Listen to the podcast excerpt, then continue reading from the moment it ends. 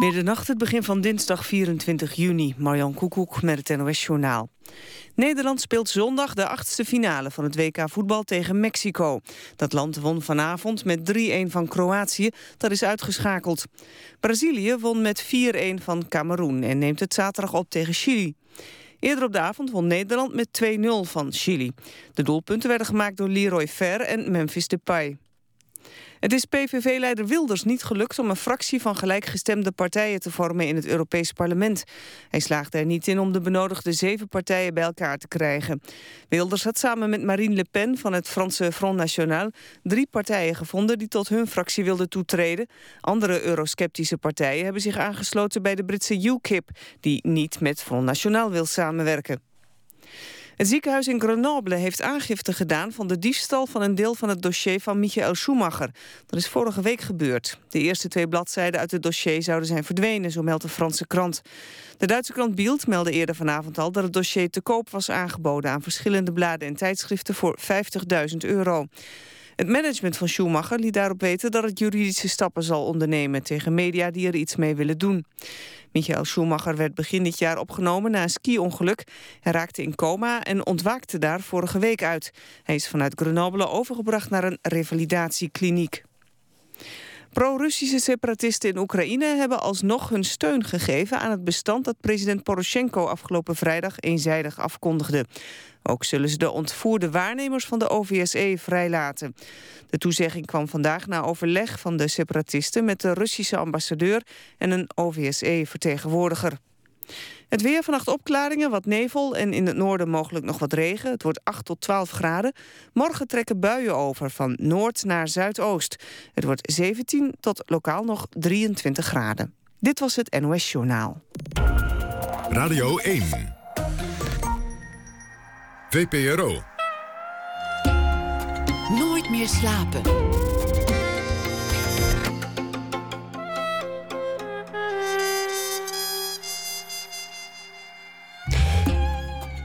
Ja, goeienacht en welkom bij Nooit meer slapen. Mijn naam is Anton de Goede en ik vervang vannacht de vaste presentator Pieter van der Wielen.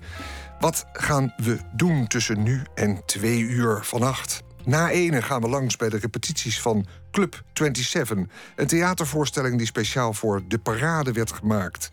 Janis Joplin, Jimi Hendrix, Jim Morrison, popsterren... die alle op 27-jarige leeftijd overleden...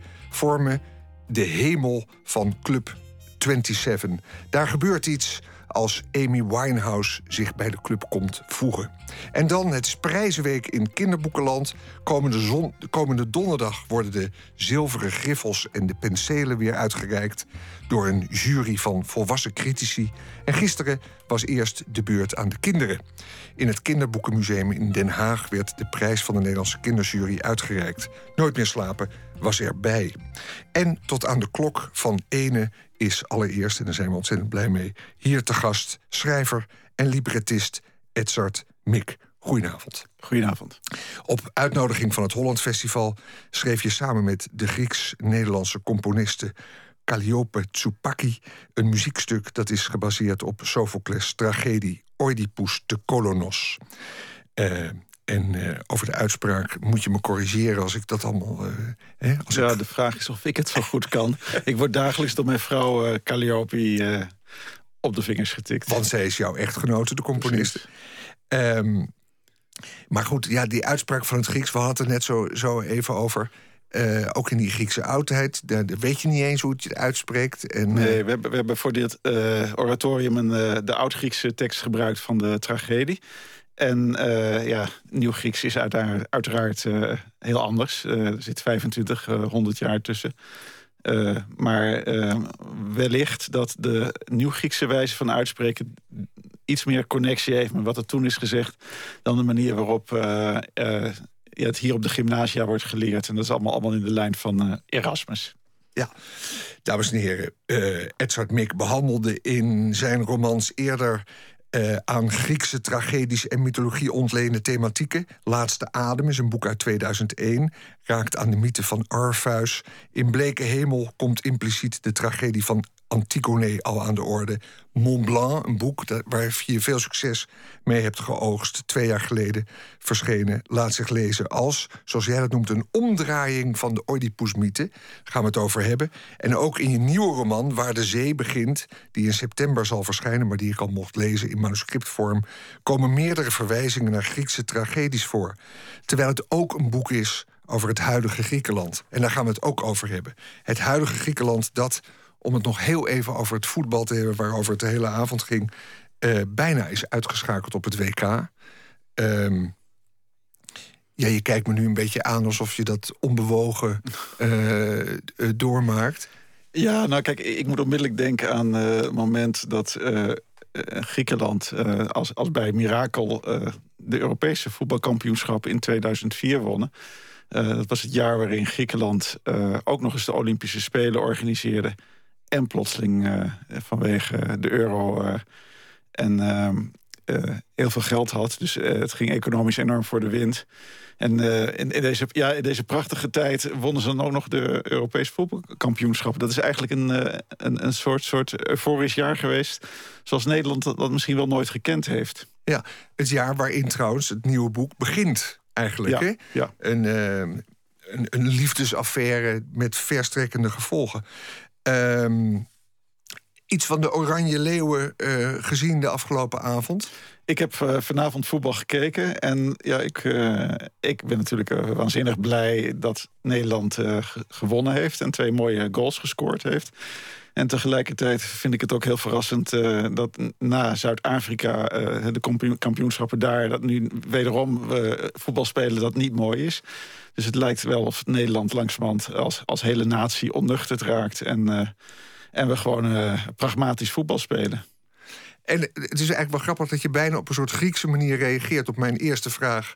Uh, over dat bijna uitgeschakeld zijn van het Griekse elftal. Namelijk, daar heb je het eigenlijk verder niet over. Je hebt het wel over die euforie van toen. Ja. Maar dat is een beetje Grieks, althans als ik je boek mag geloven. Dat je blijft feesten, ook als het niet goed gaat. En dat je misschien je ogen sluit, ook voor, voor veel eh, eh, aspecten van de crisis. Ja, het is, het is natuurlijk het is een vitaal gegeven. In uh, de Tweede Wereldoorlog uh, werd mij, wordt mij vaak gezegd... werd, werd er nooit zoveel feest gevierd als, als, ja, als toen juist. Dus als reactie op de Duitse bezetting... ja, was het enige wat het leven eigenlijk nog te bieden had, het feest. Mhm. En daarin zijn Grieken wel anders dan Nederlanders. Het is niet zo dat ze de ogen sluiten... Uh, het is wel zo dat ze een grotere bereidheid hebben om het te nemen voor wat het is. Het minder als een symptoom te zien van persoonlijk falen. En ook kansen aan te grijpen om, om tenminste nog het feest te vieren. Ja, er is ook misschien wel een kant aan dat het een heel trots volk is. En dat je dan ook je teleurstelling en je frustratie moeilijk onder ogen kan zien. Ja, uh, maar dat is wel een heel Nederlandse manier van kijken. Uh, omdat wij in Nederland er heel erg van uitgaan dat uh, je alles wat niet goed is in het leven onder ogen moet zien. En niet alleen dat, maar je moet het ook met name verwerken. Dus wij hebben onmiddellijk een grote verantwoordelijkheid op onze schouders genomen om, ehm, om eigenlijk trauma's, uh, zaken die vervelend zijn, op te lossen. En uh, de Grieken uh, hebben daar inderdaad minder animo voor. De negatieve kant is dat heel veel dingen ongelooflijk blijven steken daar. En de positieve kant is dat het misschien wel een reëlere kijk is op wat mensen wel en niet kunnen. Want wij als Nederlanders, als, als West-Europeanen, lijken ons wel heel erg te overschatten in dat opzicht. Mm -hmm. kijk, maar, kijk maar naar het Nederlandse voetbal. Kijk maar naar het Nederlandse voetbal. Ja, want van welke overschatting is dan sprake? Nou, er is toch, uh, uh, uh, zijn toch een paar decennia geweest... waarin we steeds hoopten dat het wonder van de jaren zeventig... met het elftal van Cruijff, dat dat weer zou gaan optreden. En we hebben toch steeds niet gezien dat daar de voorwaarden niet voor aanwezig waren. Ja. En nu zijn we van de weeromstuit heel erg somber en negatief. Ja. En je zult zien, we staan er straks Precies, in de finale. Daar geloof ik ook in. Oké. Okay. Um, ja, het komend uur, Edzard Mik, ben je, ben je onze, onze gast. Eh, je, je, hebt meerdere boeken geschreven. Ik zei het al, ik stel me voor een gesprek over vaders en zonen... want het is een terugkerend thema. Over tekst en muziek zullen we het hebben. Over het huidige Griekenland, het land waarmee het financieel zo beroerd gaat. En dat tegelijkertijd de bron is van zoveel prachtige verhalen. Zoals dat verhaal over Oedipus, het verhaal van een zoon die met zijn moeder naar bed gaat en zijn vader vermoordt... zonder dat hij weet dat het zijn ouders zijn. Wat een krankzinnig verhaal eigenlijk, ja. Edzard Mik. Het is een heel raar verhaal. Het was ook in andere volgorde. Hij vermoordde eerst zijn vader... En daarna uh, ging hij pas met zijn moeder naar bed. Maar het, uh, kijk, het, het, verhaal is zo dat hij uh, niet wist dat de oude man die hij op een driesprong uh, vermoordde... omdat hij hem de weg versperde en hem zelfs bedreigde met zijn gevolg... dat het zijn vader was. En net zo min wist hij later dat, hij, dat die vrouw met wie hij... Uh, naar bed ging, die, de, de koningin Jokaste, dat dat zijn moeder was. Dus er zit een, een element in van schuld. Hij heeft de moord gepleegd, overigens in een vorm van noodweer. Uh, daar kun je over twisten of het noodweer was, noodweer-excess. Uh, maar dat is voor, voor juristen. In ieder geval, daar, daar heeft hij wel wat gedaan in zijn opvliegendheid. Hij was nog hartstikke jong en onbezonnen. Uh, en ehm, vervolgens is zijn straf eigenlijk dat ehm, dat het zijn vader blijkt te zijn. Dat dat krankzinnige toeval dat die oude man zijn vader was... dat, dat, heeft hij natuurlijk nooit kunnen voorzien. Uh, en in, in het gevolg daarvan uh, natuurlijk ook niet... dat hij met, uh, met zijn moeder uiteindelijk naar bed zou gaan... en, en, en twee dochters zou verwekken. Um, maar... Um, dus de, de, ja, het, het, het, het, raadselachtige zit eigenlijk in uh, dat het lot hem veel zwaarder straft dan, dan je eigenlijk met, on, met, je, met je huidige geest voor, voor redelijk zou houden. Mm -hmm. Ja, en toch, je kan zeggen van nou, dit is een geweldige plot, zouden we misschien nu zeggen. Mm -hmm. Maak er een mooi boek van. Maar waarom is dit verhaal nu zo, zo, zo magisch dat het zoveel eeuwen later nog inspiratiebron is voor allerlei uh, theatermakers, boekenschrijvers, uh, muzici, et cetera? Uh, dit verhaal gaat erover dat uh, Oedipus op een gegeven moment verantwoordelijk wordt gemaakt uh, door het lot voor uh, iets wat, hij, uh, wat hem overkomen is. En ik denk eigenlijk dat ons, ons denken daarover, dat slaat daar op stuk. Dus ehm, dat betekent als je iets niet kunt vatten, dat je eindeloos blijft zoeken naar waarom is dit gebeurd, had dit kunnen worden voorkomen. En deze tragedie is zo ongelooflijk goed in elkaar gezet uh, dat het altijd een raadsel blijft. En uh, ja, zoals Ger Groot, de, de filosoof in, in de toelichting in het programmaboekje ook zegt, is dat, dat misschien ook wel de les van de tragedie Oedipus. En het feit eigenlijk dat, dat er een punt is waarop het denken niet meer in staat is ehm, om de werkelijkheid naar zijn hand te zetten, de werkelijkheid te verklaren. En uh, denken dus eigenlijk met zijn eigen tekortkoming wordt geconfronteerd. Dat maken we voortdurend in ons leven mee. Uh, in kleine en in grote zaken. Alleen dat uh, kan eigenlijk nooit een plek hebben. En die tragedies, die geven dat... alle Griekse tragedies, maar zeker ook deze... want het is wel de meest briljante eigenlijk... die, geven dat een, een plek, die dramatiseren dat... en vergroten dat probleem uit. Mm. Een troost ja, het is een, uh, een, troost. Het gaat over de overschatting van, uh, van wie we zijn... en uh, hoe, hoe, we ons leven kunnen beïnvloeden en leiden. En um, het is pijnlijk om steeds te ervaren dat dat eigenlijk niet mogelijk is. Dat we daarin tekortschieten. Die tragedies geven als het ware een soort, soort oplossing, catharsis... omdat het daarin zo ongelooflijk pijnlijk en gedramatiseerd wordt. Ja, Christine Brinkgever, sociologe, die heeft, een, gaat een boek schrijven over de kracht van verhalen. Stond afgelopen zaterdag in de Volkskrant een soort voorpublicatie van. En daarin zegt ze ook die, ja, die wij hebben om, om, om een soort orde te brengen in de chaos die we juist in de, 20, in de 21ste eeuw hebben. Allerlei uh, gevestigde waarden zijn verdwenen. Hebben we verhalen nodig. En zij zet eigenlijk de Bijbel en de Griekse oude mythologische verhalen naast elkaar. Uh, bijna ook zat ik te denken. Ja, bijna alsof het ook een soort religie betreft. Ehm, Ja. ben je het daarmee eens? Heeft het die kracht? Eh, het heeft, het heeft een grote kracht. En eh, ja, die Griekse tragedies zijn zo mooi, omdat het eh, je ehm, op zo'n eh, naakte manier, als het ware, met eh, het mens zijn confronteert. Kijk. ehm, eh, wij wilden heel graag dit oratorium doen. en Oedipus, omdat ehm, die. Omdat wij eh, het idee hadden dat eh, we voortdurend verantwoordelijk geacht worden te zijn over ons eigen leven. Eh, op het moment dat je, zelfs, zelfs op het moment dat je een ernstige ziekte hebt, zoals kanker, dan is het je eigenlijk verantwoordelijkheid eigenlijk omdat je bijvoorbeeld verkeerd gegeten hebt. Dus naarmate onze kennis toeneemt over ons leven, over ons eten, over hoe we ons gedragen, over waar onze trauma's vandaan komen, neemt de verantwoordelijkheid ook toe. De verantwoordelijkheid om die trauma's op te lossen, om gezond te eten. En eh, En wordt het moeilijker om het noodlot te aanvaarden? precies. Dus om die reden, eh, dat is precies de reden waarom wij zo graag eh, met deze tragedie aan de gang wilden. Ja, je hebt het al een paar keer laten vallen. Het is een oratorium dat jullie gemaakt Ja. hebben. Jouw vrouw, de componiste, en jij de tekst, het libretto. Ja. Wat is precies een oratorium? Oratorium is een, een groot muziekstuk gebaseerd op een, op een bepaalde tekst. Het is anders dan een opera, heeft het geen dramatische handeling. Dus het kan een poëtische tekst zijn. Maar de, eh, Griekse tragedies, alhoewel ze natuurlijk altijd als eh, toneelstukken ook worden uitgevoerd nog steeds, zijn eigenlijk hele statische teksten. Er zit weinig drama in, er zit veel reflectie in, eh, veel poëtische zijsporen. Er wordt veel over gebeurtenissen gesproken, maar, de- maar er gebeurt niet zoveel. Dus wij vonden het interessant om het in de vorm van een oratorium te gieten. Daar gaan we nu een stuk van, eh, van horen. We luisteren naar een soort aria daaruit. Nora Fischer, geweldige zangeres.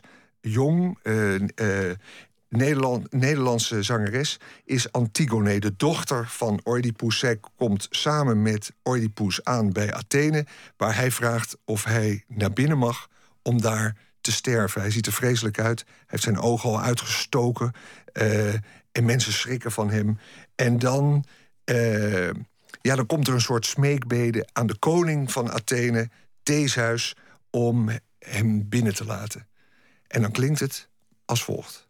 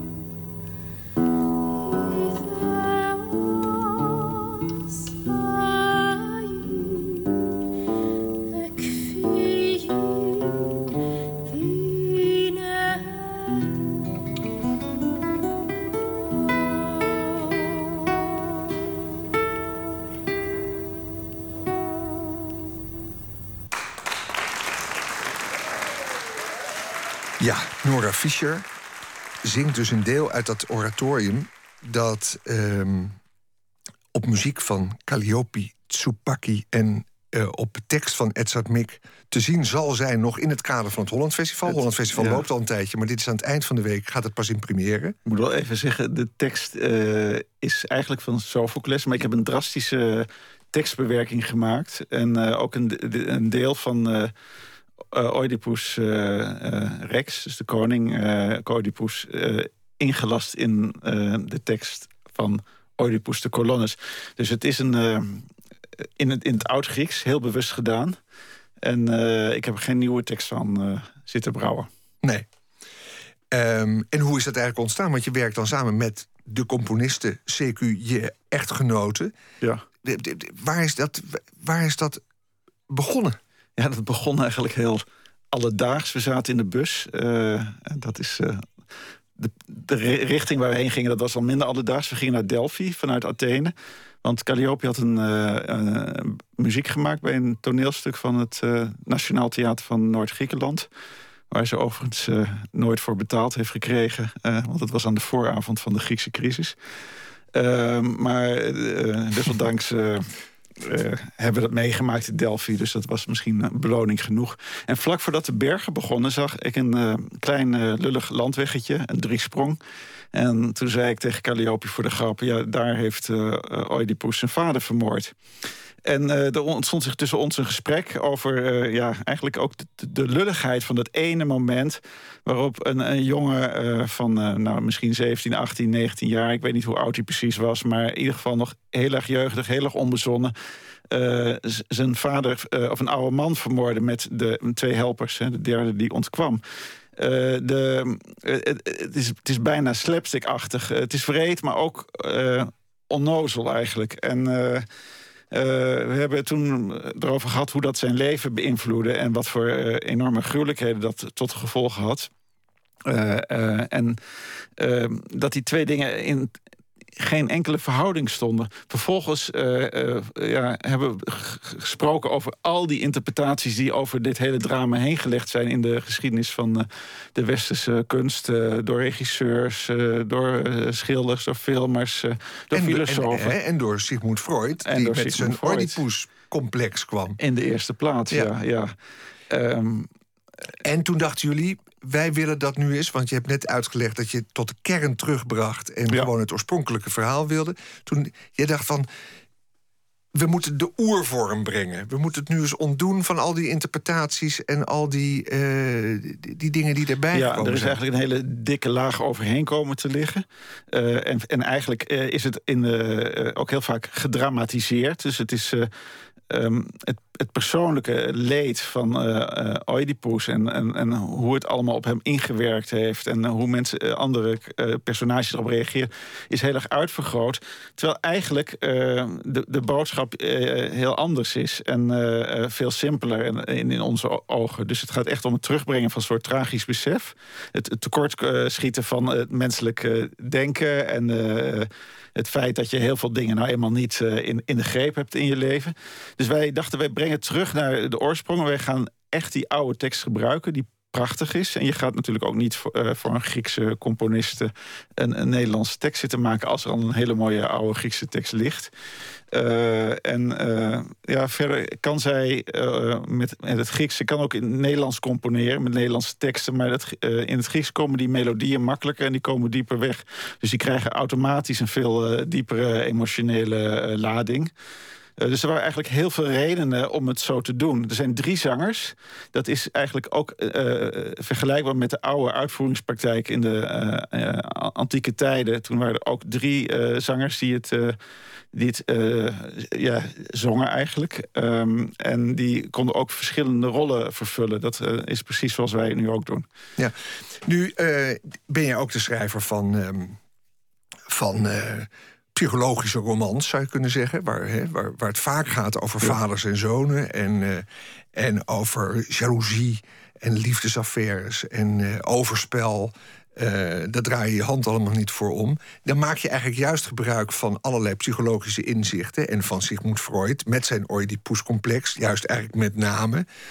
ehm, dat het je ook weer een beetje verbaast dat uitgerekend jij nou weer naar die, naar die oertekst zou, zou, zou terug, terug willen gaan.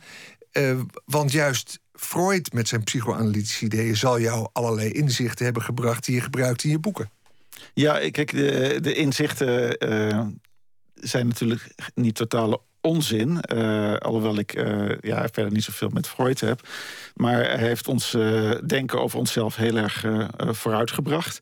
Alleen ja, als, je, als je goed leest, bijvoorbeeld in het boek Mont Blanc... dan, dan wordt het inderdaad omgedraaid. En daarmee wordt ook de, ja, het, het, het, het, Freudiaanse idee, zeg maar...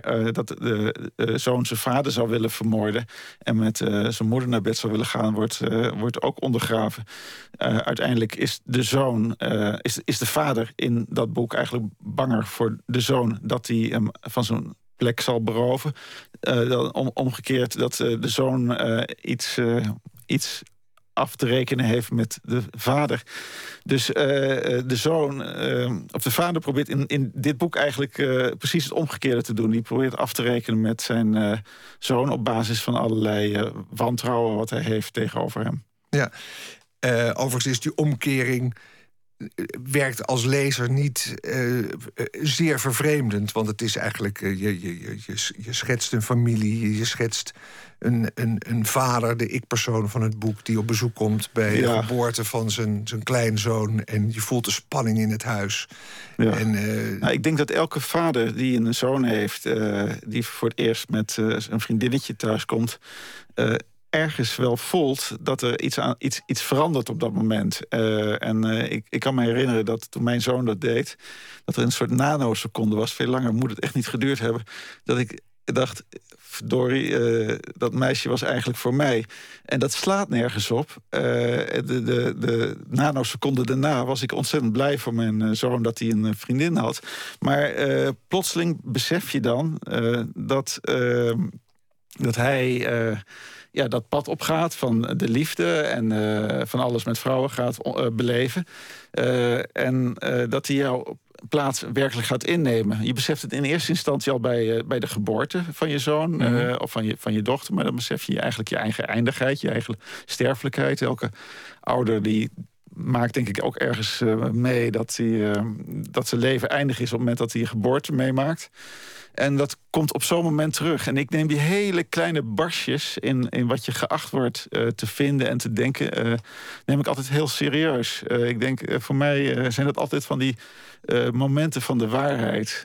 en je gaat er gelijk weer overheen en dan is het een en al feest dat, dat zo'n leuk meisje door je zoon is binnengebracht enzovoort.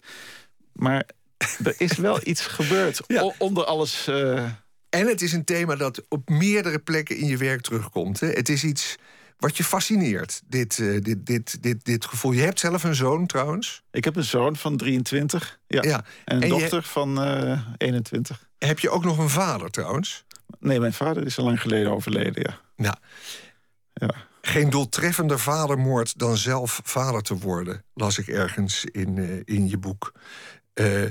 op een andere plaats. Ruben was overgevoelig. Ruben is de zoon van de mhm. ik-figuur. Was overgevoelig voor alles wat ik deed. Het is eigenlijk voortdurend die spanning tussen vader en zoon... die, eh, die heftig is. En altijd speelt daar dan ook de liefde een rol op de achtergrond. Of nou, eigenlijk wel centraal op de voorgrond. Uh, heb je ooit je gerealiseerd dat er iets is... waardoor dat bij jou zo op de voorgrond is gekomen, die thematiek? Uh, Waar komt het vandaan?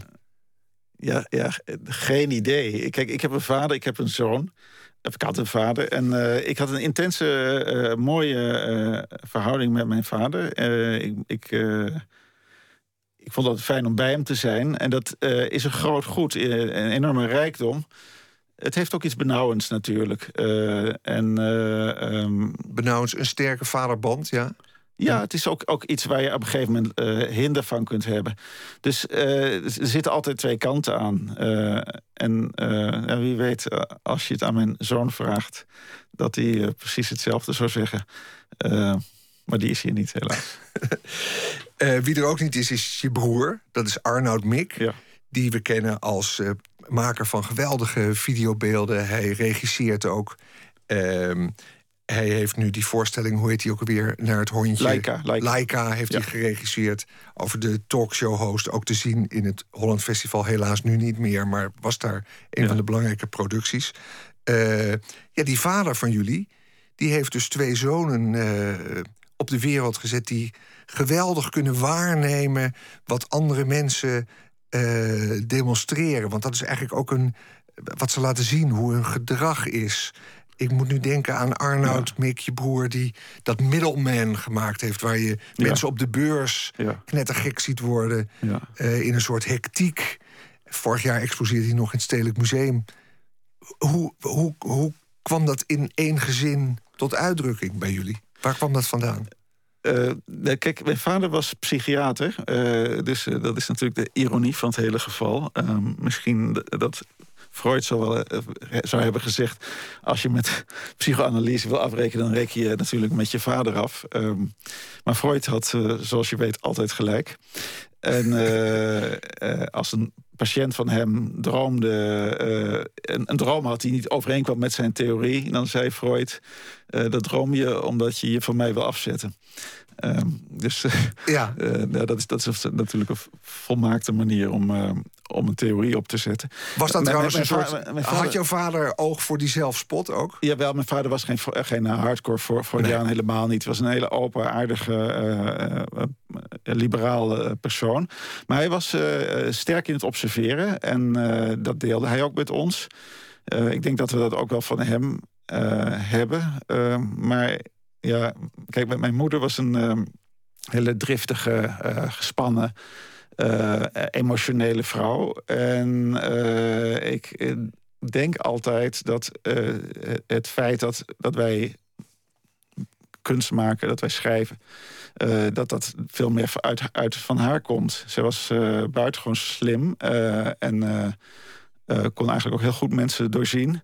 Maar dat hele temperament van haar, dat heb je echt wel nodig om, uh, om zoiets onbezonders te doen als een boek schrijven bijvoorbeeld. Mm -hmm. uh, terwijl mijn vader was ja, veel, veel redelijker. daar bleef het heel erg wel in, in, in de analyse zitten. dus misschien dat het zo zit. Wie weet. Ja, en die rol van de moeder is dus niet te onderschatten. En toch schrijf je veel minder over moeders en dochters en, en, en moeders en zonen. Gerard Reven schreef nog moeder en zoon. Ja, ja nou, in Mont Blanc komt wel een moeder voor die stervende is. En, uh, en zeer uh, bij de hand en ja. overheersend. Ja, ja, ja, zij heeft wel iets van, iets van mijn moeder. Uh, alhoewel het wel, wel duidelijk een ander karakter is. Maar de manier waarop zij inderdaad probeert te overheersen... en keurt en afkeurt, die die doet wel een beetje aan mijn moeder denken. Bovendien, uh, dat stervensproces van mijn moeder is er ook uh, enigszins in verwerkt. Mijn moeder is, is ja, vrij, vrij snel gestorven, maar eerst zij had kanker en dat was niet een hele ernstige vorm. En er is ook uiteindelijk niet aan overleden. Maar dat hele mysterieuze proces van sterven bij haar, dat is op een of andere manier wel teruggekomen in Mont Blanc. Er is misschien toch ook door, door die vader, die als psychiater is, wel heel veel nadruk gelegd op die familiebanden en op hoe het allemaal zat. En uh, inderdaad, in het boek, dat sterven van de moeder in, in Mont Blanc. Daar wordt voortdurend mee getelefoneerd en wordt uh, gekeken van hoe is het er nou mee? Moeten we terugvliegen? Daar, kan je gelijk in hebben. Aan de andere kant, ik ken niemand, bijna niemand voor wie de familie niet belangrijk is. Het is. Uh, het, de familiebanden uh, zijn toch bijna het enige wat we hebben. En um, alle, andere banden, vriendschapsbanden bijvoorbeeld, die, uh, die zijn, die zijn belangrijk. Die zijn, kunnen intens zijn. Maar die zijn volgens mij in deze tijd ook veel minder belangrijk geworden. Ik zie mijn beste vrienden, omdat iedereen om mij heen ontzettend hard werkt. Uh, die zie ik vaak maar twee, drie keer per jaar. Vriendschappen worden gesloten omdat ze goed uitkomen vaak. En als het er minder goed uitkomt, dan laat men het ook hangen. En degene waar je altijd naar terugkeert, waar je altijd mee geconfronteerd wordt, ook of je het nou wil of niet, dat, is, dat, zijn, dat zijn je broers en zussen, je vader en je moeder en je kinderen. En vind het om die reden zo vreselijk interessant. Want ook daar, daar verlies je ook de controle. Dat, dat is hetzelfde als waar we het eerder in ons gesprek over hadden. Uh, die die punten waar je geen controle hebt, waar uh, het leven zich in alles een weerbarstigheid en uh, in, in, in al zijn tragische aspecten toont, uh, dat, zit, dat zit toch vooral bij de familie. vrienden, dat, is, dat, dat, dat regel je over het algemeen. Mm. Dat, daar kan wel een kink in de kabel komen, daar gaat het niet om. maar het, het weerbarstige zit vooral bij de familie. En ik geloof dat Visconti ooit gezegd heeft, de filmer, dat alle goede literatuur eigenlijk gaat over familie. Er is geen goede literatuur zonder dat het daarover gaat. Ja, ja en als Visconti het gezegd heeft, had ik mijn mond maar beter kunnen houden, denk ik. Want? Omdat hij het al zo mooi gezegd heeft. Nou ja, uh, ik ben het nooit vergeten. We gaan naar muziek luisteren. We gaan, uh, dames en heren, we praten hier met Edzard Mik... schrijver van uh, een hele reeks boeken... waar zometeen volgende maand of ietsje later... Waar de zee begint aan zal worden toegevoegd. Een nieuwe roman die ook weer gaat over familiebanden... maar die ook gaat over het huidige Griekenland. Het Griekenland waar je, zei net van... ja, je reed daar met je vrouw door Griekenland alsof je daar woont. Dat is niet waar, want je woont met je gezin in Amsterdam. Maar jullie komen wel veel in Griekenland. Jawel, jawel. Uh, in ieder geval één keer per jaar. Uh, en als het lukt, twee keer per jaar of drie keer per jaar. Maar dat laatste gaat door het harde werken niet altijd op. En het geweldige is natuurlijk dat je daar ook een hele familie hebt gekregen. Allemaal met namen die zo uit de antieke tijden zijn geplukt. Zoals mijn oom Pericles en Odysseus enzovoort heerlijk. Geniet je daar een beetje van? Voelt dat ook echt als familie? Want Jawel, jawel. Maar mijn ouders die leven niet meer. En ik heb uh, twee schatten van uh, schone ouders. We gaan er straks over praten. En ook over dat huidige Griekenland. En hoe dat daar nou eigenlijk uh, is. En hoe het daar gaat met de cultuur. Muziek nu van iemand die net zoals jij, Edzard, dol is op Griekenland. En er zelfs geruime tijd woonde. En die eveneens, net als jij, muziek schreef over Jeanne d'Arc. Luister naar Joan of Arc hier is Leonard Cohen.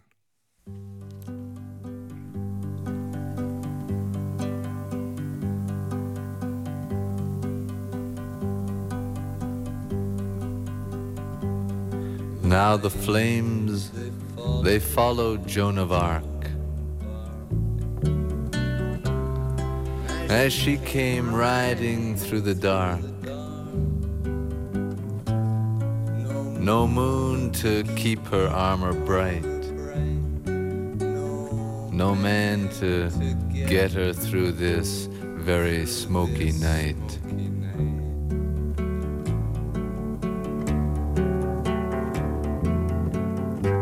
She said, I'm tired of the war. I want the kind of work I had before a wedding dress or something white to wear upon my swollen appetite.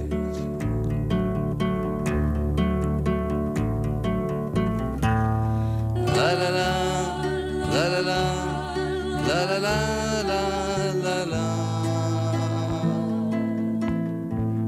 la, la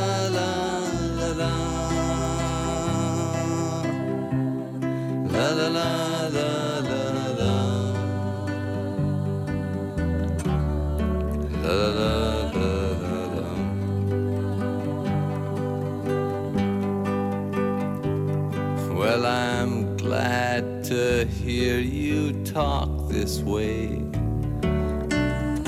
You know, I've watched you riding every day. And something in me yearns to win such a cold and lonesome heroine.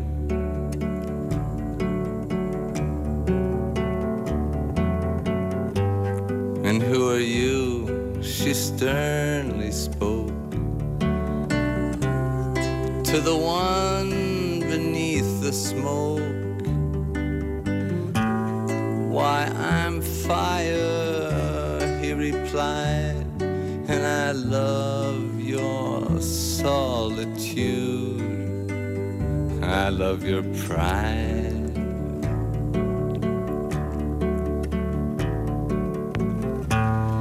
La, la la la, la la la, la la la. la la la la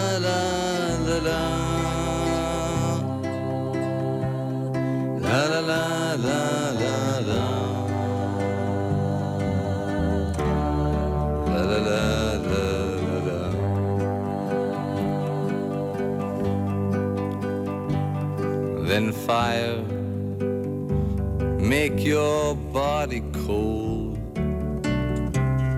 I'm gonna give you mine to hold. Saying this, she climbed inside to be his one, to be his only bride.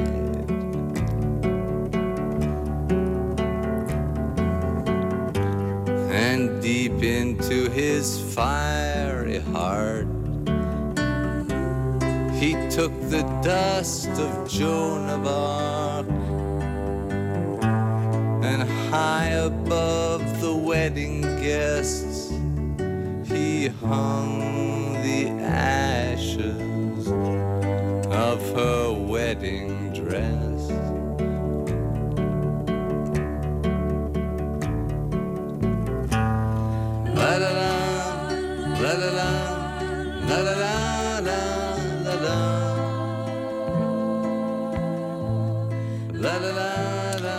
dialoog tussen het vuur en Jeanne d'Arc. Het lied zou geïnspireerd zijn eh, op de zangeres Nico. U hoorde Leonard Cohen met Joan of Arc. En dat komt van zijn album Songs of Love and Hate uit 1970. Je bent ook een Leonard Cohen-fan.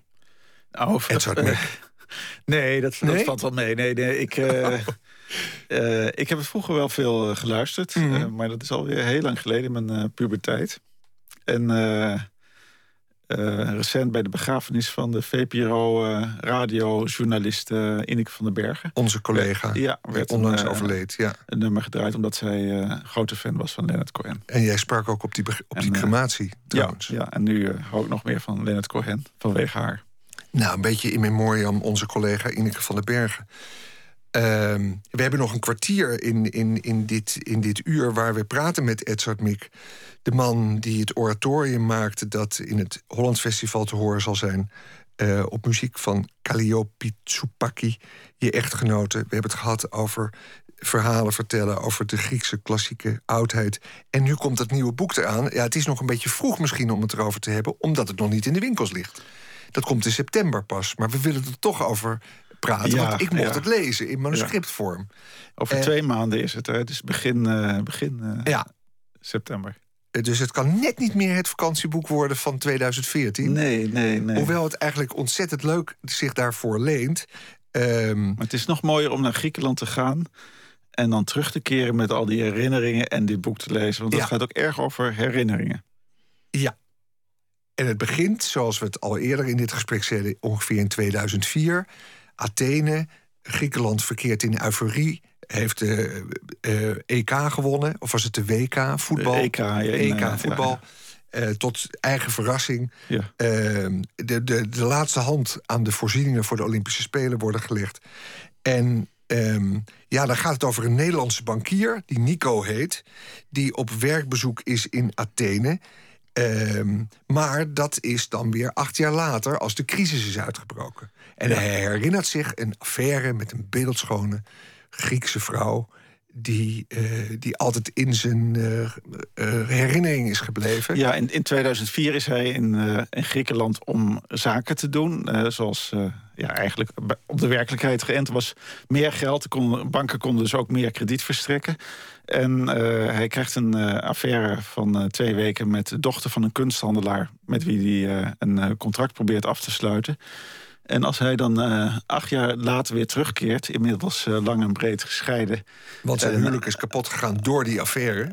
Ja, ehm, eh, en toch wilde de Griekse dame hem niet terug. Dus er is een groot raadsel in het boek waarom dat niet gebeurd is. Hij komt na acht jaar terug. Het is een grimmige crisis. Zogenaamd komt hij terug om eh, het dossier van deze kunsthandelaar af te handelen, want die betaalt zijn rente niet meer. Ehm, en, eh, maar eigenlijk wil hij natuurlijk deze vrouw weer zien. Acht jaar later, inmiddels eh, is ze moeder, heeft twee kinderen. En ehm, ja, die, die twee tijden lopen heel erg door elkaar heen. Dus euforie en, en, en grimmige crisis. herinnering en, en de avonturen van Nico in 2012 waarin hij uh, naar haar op zoek gaat en haar ook weer vindt. Eigenlijk is het uh, gebaseerd op een soort speculatie. Veel mensen in hebben in hun leven een heftige liefdesaffaire meegemaakt. Maar uh, heel vaak is dat ook niet degene met wie ze uiteindelijk het leven delen. En uh, stel nou uh, dat je na een aantal jaren deze uh, man of vrouw weer tegenkomt. En dan kun je je afvragen wat er gebeurt. Het literaire cliché wil eigenlijk dat er. Um, dat zo iemand dan te gronden gaat. Of dat hij uiteindelijk tot het inzicht komt dat het allemaal maar fantasie was. Een, een zeepbel, zeg maar.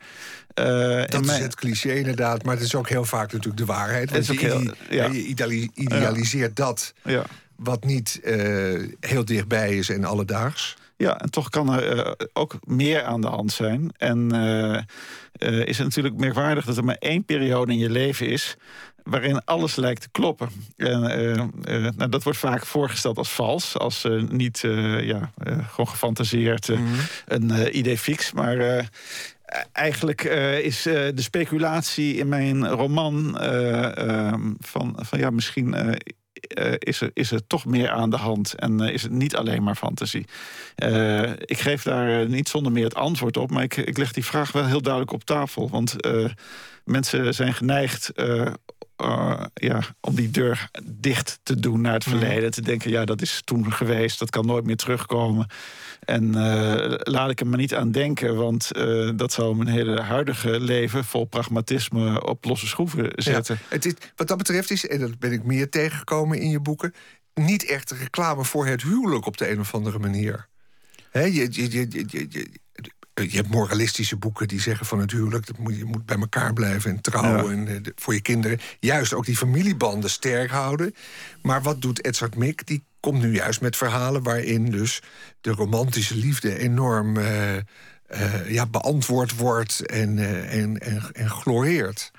Ja, de vraag is of de romantische liefde in mijn boek echt gloreert. Ik denk dat het de lezers moeten gaan uitmaken omdat uh, uh, Nico zelf, zonder dat ik nou al te veel wil gaan verraden, zelf zich op een gegeven moment wel afvraagt wat hij nu precies in handen heeft. En dat is precies wat ik de lezer wil voorschotelen.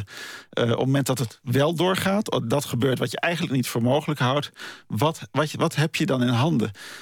ik, nou, ik, ik vind het inderdaad een, een, een soort, van een soort naargeestige burgerlijkheid getuigen als je helemaal niet in de liefde gelooft. Als de liefde altijd slecht moet aflopen. En de liefde voor mij wordt dan met hoofdletters geschreven. Uh, tegelijkertijd uh, vind ik het huwelijk ook wel een heel, uh, heel ja, dit is, het is een vreed instituut, uh, maar misschien wel onvermijdelijk instituut. En, uh, het is een vreed instituut. Ja, omdat het uh, ook heel veel dingen afsluit en om, omdat je ook eigenlijk diep op de knieën moet in het huwelijk. Maar dat vind ik ook wel weer heel bijzonder aan het, aan het huwelijk. Dus, maar in hoeverre moet je diep nou, op de knieën? je moet heel veel van jezelf opgeven om het mogelijk te maken. En dat is misschien wel het allermooiste aan het huwelijk. Omdat alles wat je de kans geeft om um, om jezelf minder belangrijk te maken. Dat kan in het huwelijk, dat kan misschien ook wel door overgave in, in je werk, uh, in, in, uh, in, in hoe je met je kinderen omgaat. Uh, maar er zijn allerlei methodes, maar alles wat je zelf transparanter maakt, minder gewichtig, wat je wat afbreuk kan doen aan de waarde, het gewicht van je ego, dat, dat moet je volgens mij altijd in je leven omarmen. Wanneer was je voor het laatst in Griekenland? Ik was een maand geleden in Griekenland. Ik was met een groep studenten van de Rietveld Academie... waar ik uh, één dag in de week lesgeef. Uh, daar om een zogenaamd crisisproject te doen. Ik wilde heel graag dat de studenten een beetje uit hun ja, een, een, zeg maar isolement... Een, comfortzone zouden komen. En ze zich zouden gaan bezighouden met Athene... waar de crisis heel heftig is... waar ook mensen wel in partieken slapen, veel gebedeld wordt... waar meer dan 50% van de jongeren van hun leeftijdsgenoten werkloos is. Uh, en ik uh, heb ze gevraagd om uh, ja, binnen korte tijd, binnen tien dagen, daar een, een, een, tentoonstelling te maken van een dag. En dat is wonderbaarlijk goed gelukt. Want dit boek is, behalve dat het over de liefde gaat, En over die persoonlijke dingen. Ook een boek over Griekenland en over hoe, Ja. ook hoe explosief die situatie is. Ehm, of, en dat is een beetje een vraag aan jou, valt het nu weer een beetje mee? Want je hoort ook geluiden van, nou, ze komen er weer een beetje op. En de rente die ze moeten Nee, betalen is. Het, het, het valt helemaal niet mee. Eh, het is wel zo dat het overheidstekort eh, enorm is teruggedrongen. Dus in die zin eh, beantwoorden ze meer aan de, aan de normen van Europa. Maar ik heb begrepen dat zelfs vanuit Europa daar een soort creatief boekhouden een rol speelt. Omdat bepaalde rentebetalingen daar weer niet in meegerekend worden. Hoe dan ook, er zijn eh, enorme bezuinigingen geweest. De economie is helemaal kapot. Er is enorm ingekrompen. Eh, er is geen enkel zicht op dat, eh, dat de Griekse economie binnen korte tijd zal gaan herstellen. En dat, dat, dat de mensen weer banen gaan krijgen en dergelijke. Dus die misère die is ontstaan, de wonden die geslagen zijn, die zijn, die, die zijn nog lang niet genezen en voorbij. Nee, hoe moet het aflopen? Ehm, Want je schetst een uiterst sombere, sombere situatie. En er wordt een bank wordt er, wordt er geplunderd of in brand gestoken. En, eh, Ja, nou, de, de, de, de, het geweld, eh, de eh, de demonstraties, de rellen, de brandstichting, die zijn van een paar jaar geleden. Dat is ook eh, 2012 was nog een heftig jaar. Dat is op dit moment althans wel gekalmeerd. Dus mensen na berusting proberen, dus, ze er nu toch wat meer van te maken. Eh, er, is, er is iets meer eh, optimisme in die zin. Eh, jonge mensen bijvoorbeeld ondernemen van alles. Ook, ook kunstenaars nemen, denken... oké, nu, nu we dan toch geen geld kunnen verdienen... gaan we maar interessante projecten starten. En dus, dus de, de, er is wel activiteit... Maar ja, ik vraag me wel af hoe lang dat, hoe lang dat zo eh, goed blijft gaan. Ja. Ja. Het extremisme in de politiek neemt bijvoorbeeld enorm toe. Zowel extreem links als extreem rechts. Eh, Wilders is nog een soort middenfiguur als je het vergelijkt met wat eh, de Gouden Dageraad voorstaat. En dat extremisme bedreigt natuurlijk elke democratie. Uh, je kunt ook veronderstellen dat de steun die uh, Europa uiteindelijk aan Griekenland heeft gegeven, wel alles te maken heeft met de angst dat er weer uh, uh, dusdanig instabiliteit ontstaat. Dat, uh, dat ook, ook de democratie in Griekenland werkelijk op het spel zou komen te staan. En dat is dan de bakermat van al die prachtige mythen en ja. verhalen en het Oedipus-verhaal en alles. En ook de bakermat van de democratie. Ja, dat ja. is het krankzinnige. Dat het ja, daar dus het meest onder vuur ligt op dit moment. Ja, de Grieken die, uh, die schermen natuurlijk uit een soort trots ook altijd met een, uh, een fantastische geschiedenis. Uh, en dat is dus ook weer heel vaak een excuus om, om niet hun, hun, hun zooi op te ruimen, zeg Mm. maar. En dat, dat Oedipus-verhaal, in hoeverre speelt dat nou mee in dat nieuwe boek? En de Griekse verhalen, het komt hier en daar ja, die, nou ja, we moeten de clue niet, ver, niet verklappen. Maar nee. ook daar gaat het weer over een vader en een zoon op de een of andere manier. Ja, dat, dat, het is niet zozeer uh, een uh, verwijzing naar Oedipus, dat boek. Uh, maar wel naar de Orpheus-mythe. Alleen dat is er eigenlijk vanzelf ingeslopen. Dus ik ben er niet eens zo Tegen wil en dank. mee bezig zoals als het lijkt.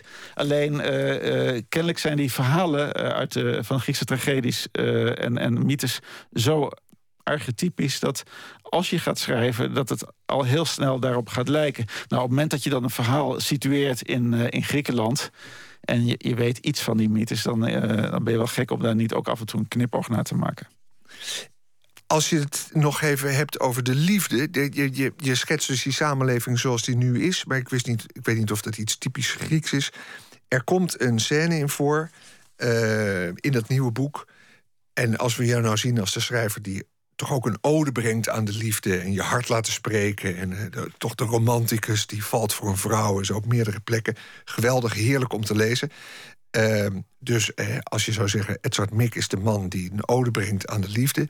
dan viel mij op dat je misschien wel de jongeren nu in Griekenland... komt de scène in voor, uh, daar, daar dacht ik van... bedoelt hij hier nu dat de jongeren dat niet meer kunnen... daar minder oog voor hebben? Als ik het lees, Kan niet missen. Jongeren van het backpackerscentrum die terugkeren van een nachtje stappen. Je zit dan in een hotel. Ze schreeuwen en gillen en struikelen over hun tong en trappen tegen een blikje. Er klinkt ook het geluid van brekend glas. Fuck me, fuck me, you have to fuck me. Why don't you want to fuck me? roept een meisje. Waar mijn hele leven aan gewijd lijkt te zijn. Dat is trouwens de hoofdpersoon, het is niet Edzard Mick die dit zegt, maar toch. Waar mijn hele leven aan gewijd lijkt te zijn, is voor hen zonder betekenis. Het is niet dat ze die romantiek hebben afgeschaft. Ze kennen haar niet eens. Ze zijn al mijlenver voorbij geëvolueerd en zouden er waarschijnlijk smakelijk om kunnen lachen als om iets buitennissigs als een potsierlijke kuif of staart, waar met een beetje geluk één van hen nog wel eens over heeft gelezen in verplichte literatuur voor school. Uh, in hoeverre valt jouw idee over de jongerencultuur in Griekenland samen met wat deze man, deze bankman, hier verzucht. Nou, dit is een backpackercentrum. Dat zijn geen Griekse jongeren natuurlijk. Dat zijn uh, jongeren uit uh, Amerika, Australië, Nederland, Duitsland, Zweden. Uh, en, dus het, het, het is een. maar goed, het gaat om de jonge generatie. Het gaat wel om de jonge generatie. Ja. Overigens, de, de Griekse jongeren die staan ergens anders in het boek met een smartphones en spiegelende zonnebrillen. staan ze te doen alsof er geen crisis is. Dus, uh, Wat weer heel erg Grieks is. Ja, ja, ja, ja. En ook, ook ergens wel uh, aan te denken. De, de, hoofdpersoon die vindt dat maar niks. Die denkt, uh, als een, zo'n land uh, zoveel schulden heeft, dan, dan mogen ze zich niet vermaken. Wat ik wel weer een heel Nederlandse manier van redeneren vind. Ja, nou ja, je laat ook een paar hele filijne opmerkingen horen die gemaakt worden over de Grieken. Eigenlijk al op het moment dat ze op een vliegveld iets nalaten, dat mensen verzuchten van wij hebben ze ook betaald, et cetera, et cetera. Heel naargeestig eigenlijk. Ja, nou ja, de, de zowel de Grieken als de Nederlanders krijgen af en toe een veeg uit de pan in een boek. Uh, uh, maar Nederlanders zijn natuurlijk over het algemeen erg uh, calculerend en, en, en denk erg in kosten en baten. En het, mooie aan Griek is wel weer, dat mag ik er wel ten voordele van de Grieken zeggen. Uh, ook, ook in de liefde, dat ze uh, ruksiglozer zijn en uh, dat ze zich minder zorgen maken over de gevolgen. Dus er wordt niet eindeloos voor de rekensommetjes gemaakt wat het dan allemaal op gaat leveren. Je ziet het ook bijvoorbeeld als mijn studenten zijn in Griekenland fantastisch ontvangen door een paar dames, een kunstenares en een journaliste, die zich enorm voor hen hebben ingezet om te zorgen dat ze een goede werken kunnen maken. Ik weet zeker als omgekeerd Griekse studenten in, in Amsterdam komen uh, dat er geen Nederlander is die er zoveel tijd in steekt. Omdat Nederlanders toch altijd gewend zijn om te kijken van wat heb ik eraan. Ja, vreselijk. Ja, uit eigenlijk heel veel blijkt dat jouw hart eigenlijk in Griekenland ligt. Nou, kijk, het voordeel is wel dat de Nederlanders daardoor rijker zijn. En we zijn een rijker land en het draait hier beter. Maar af en toe uh, kun je niet anders dan een groot zwak hebben voor de Griekse manier van leven. Ja, en dat heb je goed beschreven. En dat uh, is wat je bijblijft als je uh, je boek leest. Op het Holland Festival, Edzard Mik, zal je voorstelling te zien zijn... Oedipus de Kolonos, uh, op 28 en 29 juni... in het Muziekgebouw aan het IJ. Dus dat is eind deze week. Ja. Toch? Uh, ze zijn nu aan het repeteren. En Pierre Audi schijnt een enorme mooie regie te doen. Dus die steekt er heel veel energie in om het ook visueel mooi te maken. En je boek ligt in september ligt dat aan, uh, of in de boekhandel. En dat heet, nogmaals... Waar de zee begint. Waar de zee begint. We zijn aan het eind gekomen van dit eerste uur. Na het nieuws gaan we verder. Straks na enen. Tot dan. Dank Edzard Mik voor je komst.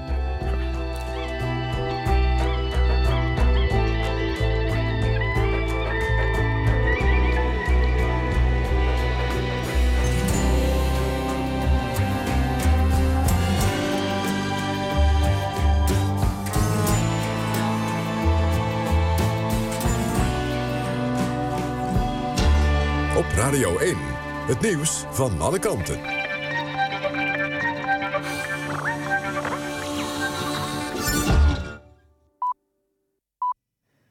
1 uur, Marjan Koekoek met het NOS-journaal. De families van Lisanne Vroon en Chris Kremers gaan ervan uit... dat de zoekactie naar de twee vrouwen in Panama doorgaat.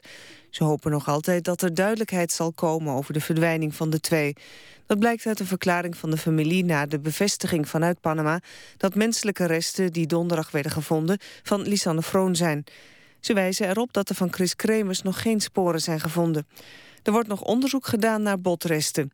De woordvoerder van de familie spreekt van een trieste dag. Het is PVV-leider Wilders niet gelukt om een fractie van gelijkgestemde partijen te vormen in het Europees Parlement. Hij slaagde er niet in om de benodigde zeven partijen bij elkaar te krijgen. Wilders had samen met Marine Le Pen van het Franse Front National drie partijen gevonden die tot hun fractie wilden toetreden.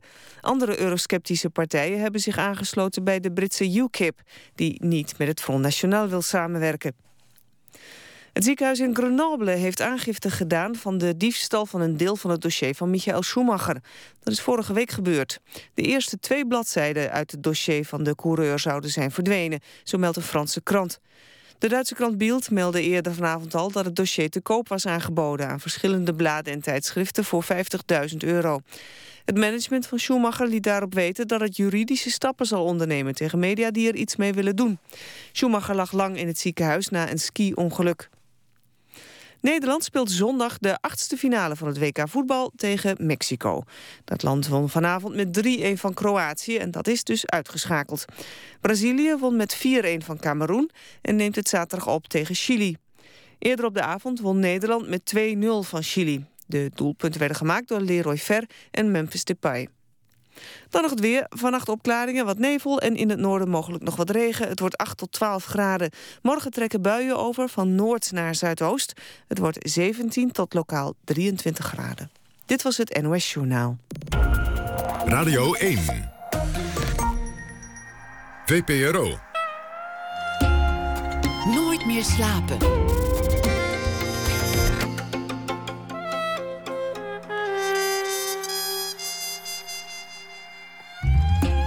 Welkom terug bij Nooit meer slapen. Mijn naam is Anton de Goede en ik vervang vandaag Pieter van der Wielen.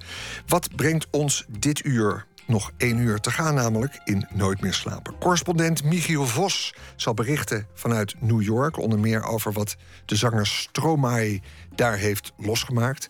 Want de Belgische zanger is daar op tournee.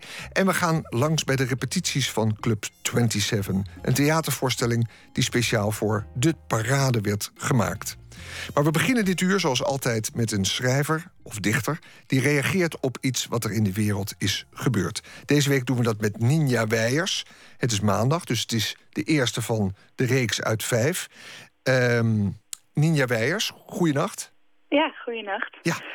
Even, even ter introductie. Je studeerde literatuurwetenschap, publiceerde korte verhalen in onder andere De Gids en Passionate Magazine.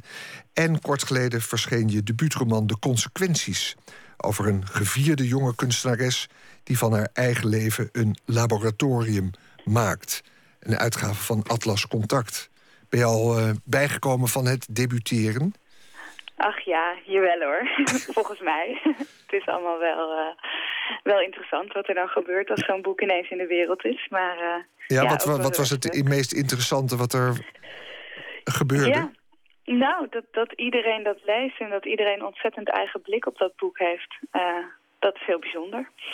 En heel erg leuk, ja. Het boek, dat, ik heb het hier voor me liggen. I really like that moment when the performance becomes life itself. Marina ja. Abramovic, dat heb je voor in het boek gezet.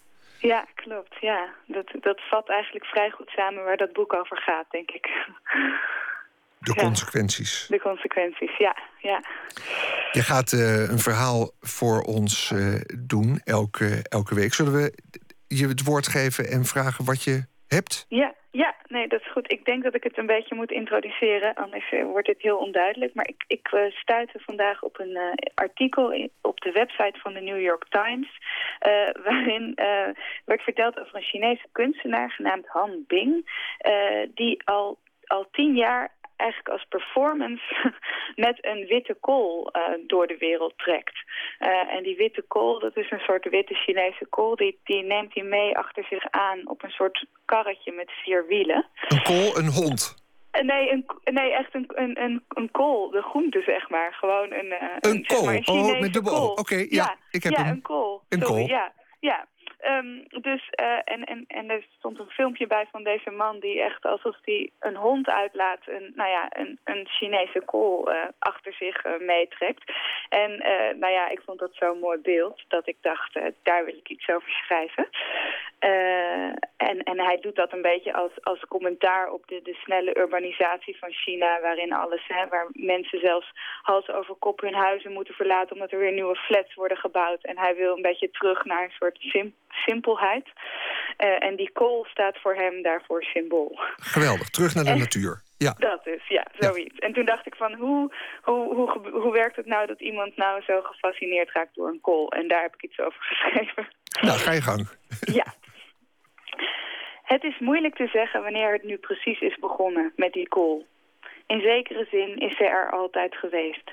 Zoals veel zaken die van werkelijk belang zijn... beschouwde ik haar aanwezigheid als een vanzelfs, vanzelfsprekend onderdeel van mijn leven.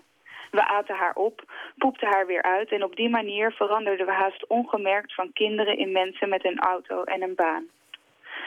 De dag dat ik me voor het eerst echt bewust werd van de kool... hing de smok zwaar en grijs boven de stad. Een paar dagen daarvoor was, was voor de tweede keer mijn huis verdwenen. Ze doen het zonder je te waarschuwen. Het kan bij wijze van spreken gebeurd zijn als je terugkomt van het boodschappen doen. Stadsplanning. Op de plek van mijn eerste huis staat nu een wolkenkrabber met een zwembad op het dak... van het, type, van het type dat ze infinity pool noemen. Een zwembad zonder randen, want voor wie rijk is, is alles onbegrensd. Ik logeerde tijdelijk bij een vriend in een huis dat zich toen in een buitenwijk bevond... die inmiddels al lang is opgeslokt door het centrum. Met een mondkapje was ik naar de markt gegaan om een kool te kopen. Thuisgekomen legde ik haar op het aanrecht, zoals ik talloze keren had gedaan... met talloze kolen in talloze huizen. Ik stond klaar om haar doormidden te snijden toen ik werd getroffen door de schoonheid van het ding... die ik nooit eerder had opgemerkt. Daar lag ze, volmaakt in haar koolheid, lichtgroen, sappig en glanzend van gezondheid. Ik keek naar buiten, waar niets te zien was. Ik keek terug naar de kool en even leek het alsof zij het was... die alle kleur uit de wereld had gezogen en in zichzelf had samengepald. Ja, zo ongeveer is het begonnen met die kool. Sommige mensen hebben een auto, een huisdier, een infinity pool. Ik heb nu mijn kool. We gaan weer eens een ommetje maken. dat was het. Nou, heerlijk. Ninja Weijers, de witte kool. Ja. Eh, de witte kool van Han Bing, hè, heet die Chinese kunstenaar. Ja, klopt. Ja, en ja. die heb jij dus als schrijfster opgedoken in een Amerikaanse krant. Hoe die man Ja. met die witte kool loopt te zeulen in China. En wij zijn daar getuigen van geweest. Ja, zo Nou. geglobaliseerd is de wereld. Hartstikke mooi. Als je dit niveau vasthoudt de hele week... dan zijn we heel erg tevreden hier bij Nooit meer slapen. ik ga het proberen, dankjewel. Dankjewel, Nin, Nin, Ninja Weijers was dat, dames en heren. Tot morgen. We gaan eh, luisteren naar muziek. Naar Nina Simone, Nachtelijke Blues. Dit nummer werd geschreven door de dichter Langston Hughes. Het is een politiek geladen lied over de burgerrechtenbeweging in Amerika. Hier is ze met Backlash Blues.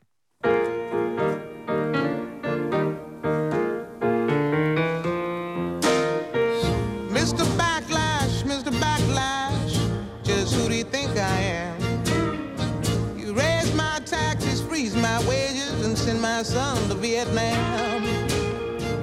You give me second class houses and second class schools. Do you think that all colored folks are just second class fools, Mr. Backlash?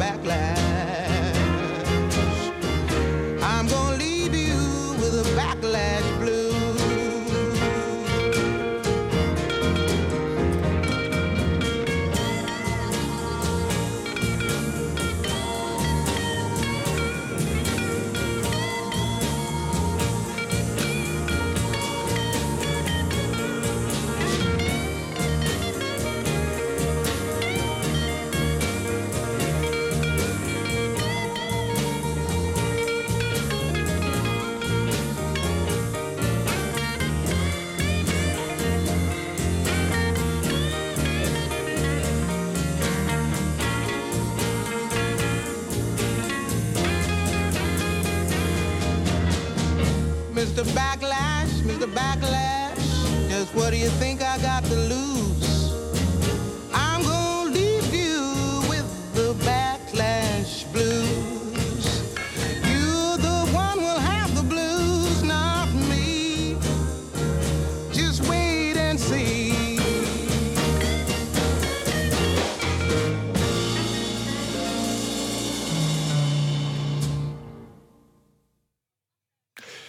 Nina Simone Sings the Blues heette de LP uit 1967... waar dit nummer oorspronkelijk voor het eerst op verscheen. De Backlash Blues was dat. Het is prijzenweek in kinderboekenland. Donderdag worden de zilveren griffels en penselen uitgereikt... door een jury van volwassen critici. En gisteren al was het de beurt aan de kinderen. In het Kinderboekenmuseum in Den Haag... werd de prijs van de Nederlandse kinderjury uitgereikt. Maar liefst 30.000 kinderen brachten de afgelopen maanden... hun stem uit voor Geronimo Stilton... Dolfje Weerwolfje, Stapelverliefd of 100% Coco. En Tjitske Musche was erbij gisteren... toen de kinderen de winnaars bekend maakten. Een boek dat voor heel veel meisjes herkenbaar is, maar waar ook de jongens enthousiast over waren. De Senaat bekroont namens, namens de kinderen in Nederland het boek dat de meeste stemmen van de Nederlandse kinderjury in de categorie 10 tot en met 12 jaar heeft gekregen. De winnaar van de prijs van de Nederlandse kinderjury 2014 is 100% Coco, dagboek van de modeblogger van Nicky Smit. Nicky Smit, gefeliciteerd. Dankjewel. Wat, wat vond jij nou het mooiste aan die juryrapporten? Uh, wat sprong eruit voor jou?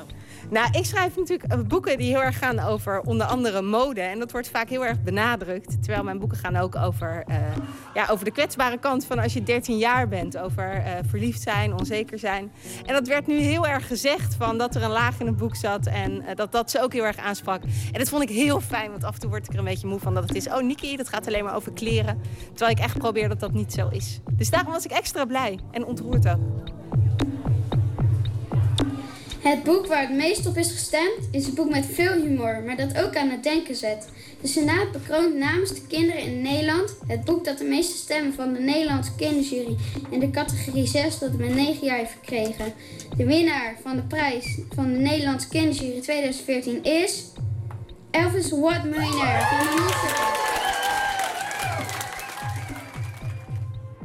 Manon Sikkel, ja. uh, winnaar kinderjury uh, 2014. Ja.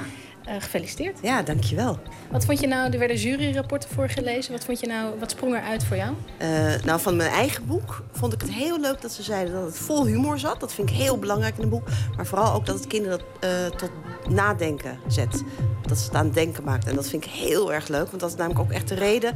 heel veel kinderen, juist nu, zijn helemaal geobsedeerd door geld en veel geld hebben. Dat zie ik ook aan mijn eigen kinderen.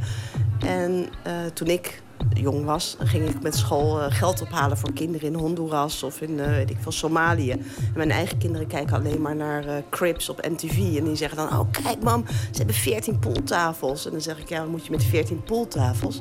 En het boek gaat over, van als je heel veel geld hebt, wat dan? Als niemand mag weten dat je zoveel geld hebt, of als jij heel veel geld hebt, maar de mensen om je heen niet, is dat geld dan nog wel wat waard? Dus ik denk daar heel erg over na. En ik wil niet te moralistisch worden. Het zit er wel ergens onder dat ik kinderen laten nadenken van wat is rijkdom. En we zijn eigenlijk al heel rijk hier. Dus dat dat in het juryrapport stond, vond ik heel erg leuk. Ze hadden goed gelezen. Ja, ze heel goed gelezen, ja. Sinds 1988 wordt jaarlijks de prijs van de kinderjury... voor het beste boek in de categorieën 6 tot 9 en 10 tot 12 jaar uitgereikt. Dit jaar brachten maar liefst 300.000 kinderen hun stem uit. Daarnaast was er een kleine jury van 12 kinderen, de Senaat die de juryrapporten schreef en een extra prijs, een pluim, uitreikte. Die pluimen werden dit jaar uitgereikt aan Maren Stoffels voor Stapel Verliefd... en aan Tosca Mente voor Dummy de Mummy en de Dans van de Cobra. Senaatslid Jip van Negen, afgevaardigde van de provincie Noord-Brabant... legt uit wat er zo goed is aan dat boek. Nou, ik vind Dummy's staaltje ook wel geinig. En dan, dan mummies eigenlijk helemaal niet bestaan. Dan word je in dat boek, ja, dan denk je eigenlijk gewoon echt dat er een mummie rondloopt. Kijk. Dus het helemaal meegesleurd in het boek. Dus het was spannend? Ja. En hoe vaak zijn jullie samengekomen van de Senaat? Uh, dit is uh, de derde keer. En ook de laatste keer. En hoe gingen die vergaderingen? Die gingen goed. We waren er ook allemaal mee eens welk boek uh, de winnaar is. Ja, jullie waren unaniem erover uit wie de winnaar moest zijn? Ja, twee die wouden graag een ander boek. Maar die vonden het ook wel best dat dat boek dan had gewonnen. Dus jullie hebben geen ruzie hoeven maken? Nee, helemaal goed gegaan. Senaatslid Eke uit Friesland legt uit waar de 10 tot 12-jarigen op gelet hebben. Um, we hebben gelet op de omslag, of het mooie zinnen waren, in welke vorm het is geschreven en zo. En wat was jouw persoonlijke favoriet? Um, ik denk wel Stapel Verliefd van Maren Stoffels. Ja. Wat vond je zo leuk aan het boek? Nou, het gaat zeg maar wel over iets serieus. Alleen verder is het allemaal wel vrolijk en gebeuren er ook veel leuke dingen en zo. Maar wat vind jij belangrijk aan een boek? Wat verwacht je van een goed boek? Um, het moet zeg maar niet echt over een heleboel verschillende dingen gaan, maar over een paar. En wel een beetje serieuze problemen. Dus niet hele kleine dingetjes en zo. Senaatslid Siep van Elf uit Limburg legt uit wat hij belangrijk vindt aan een boek. Dat het niet te veel plaatjes heeft, dat het best veel tekst heeft. Niet dat het ook dikke boeken, maar dat, niet dat het dan opgevuld wordt met plaatjes, maar vooral tekst. En dat het één groot probleem is dat ze moeten oplossen in plaats van allemaal kleine probleempjes die ze moeten oplossen. En vind je het ook belangrijk hoe iets geschreven is? Of het grappig of mooi of ontroerend is? Nou, ik vind wel dat het grappig is. Soms ook wel droevig. Omdat je, de, ja, bij, bij uh, grappige boeken, ik heb bij grappige boeken heb ik bijna nog nooit dubbel gelegen van het lachen. Of dat ik echt moest, keihard moest lachen.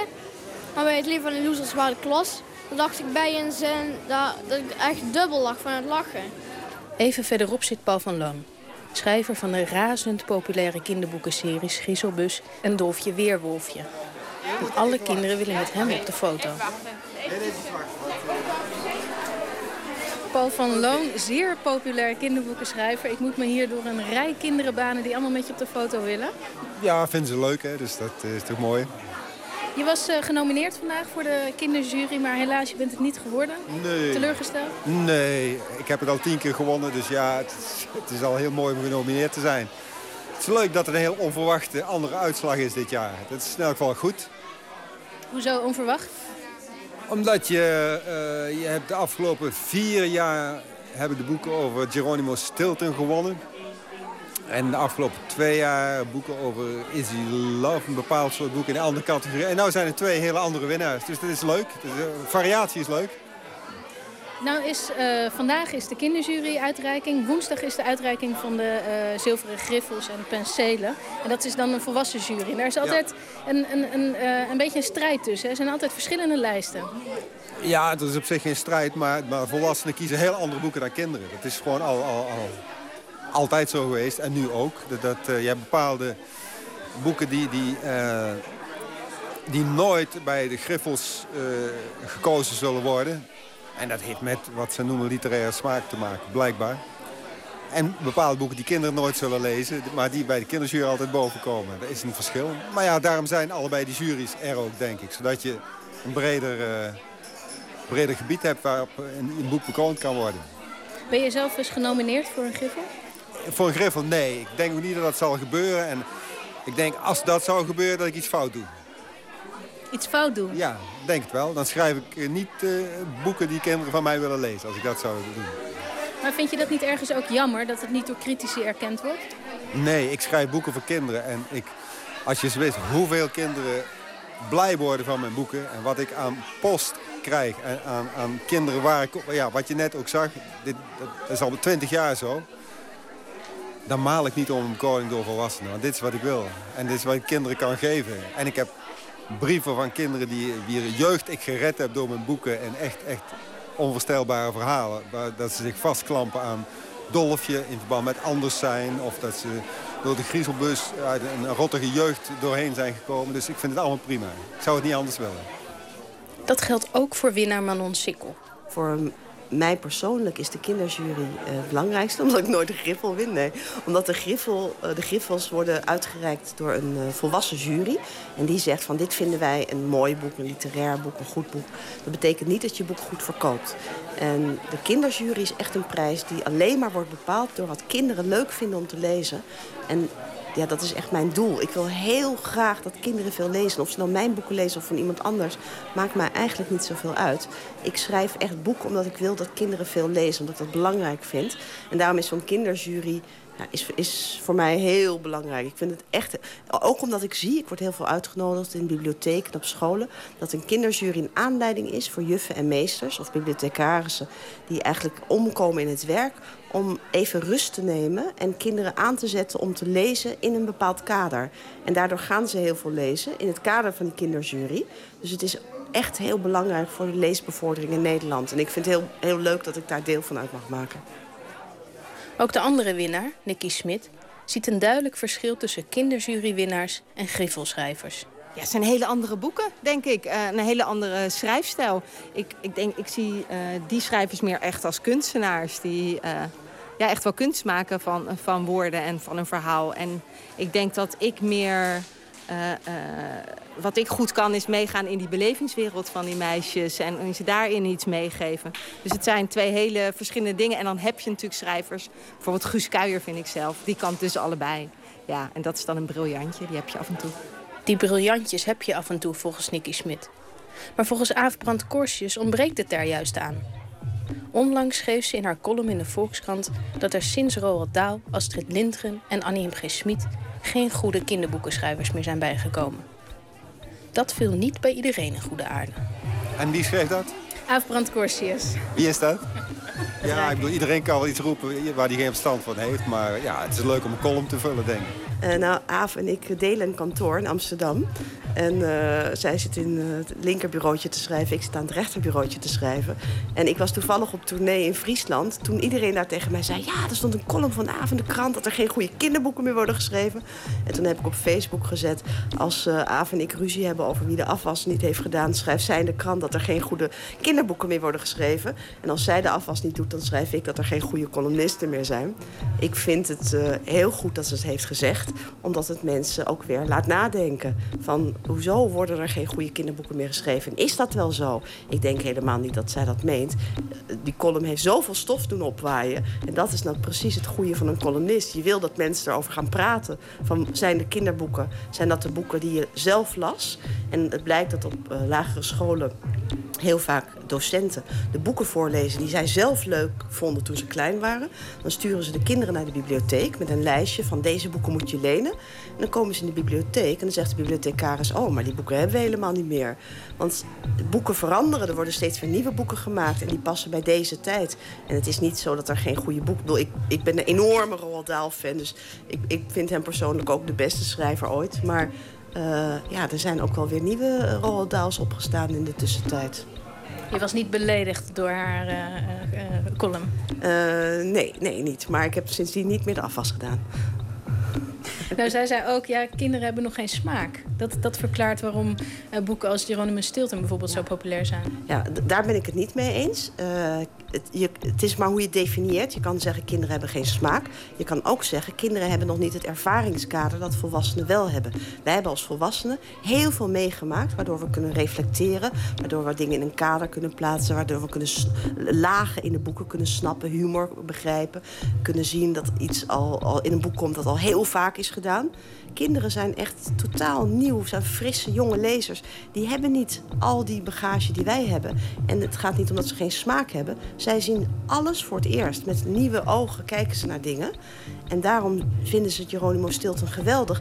Want zij, hebben nog, zij zien niet dat er een enorme machine achter zit. Dat daar twintig tekenaars in Italië boeken aan het verzinnen zijn. Dat zien zij niet. Zij vinden het gewoon een leuk boek. En wij zien dat omdat wij dat weten, omdat we snappen, omdat wij het afzetten tegen uh, Annie M. G. Schmid. Ja, een, een heel schrijverscollectief in Italië verliest het altijd van iemand als Annie M. Schmid die op een voetstuk staat in Nederland. Maar kinderen zien dat niet. En daarom denk ik niet dat het is dat je kan zeggen... kinderen hebben geen smaak. Nee, kinderen hebben gewoon een eigen smaak. En die is, dat kunnen wij ons bijna niet meer voorstellen... dat je voor het eerst van je leven een boek leest...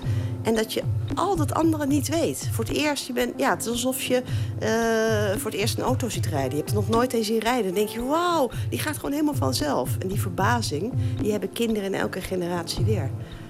Maar het kan niet zo zijn dat ze dan blijven hangen in, in het, in het uh, Geronimo Stilton... en niet naar de, naar de meer uh, literaire of naar Roald Dahl of naar Astrid nou, Lindgren gaan. Ik was in eerste instantie niet zo heel erg een fan... want mijn zoon leest helemaal niet. Die las alleen maar Geronimo Stilton boeken. Dat vond ik echt verschrikkelijk.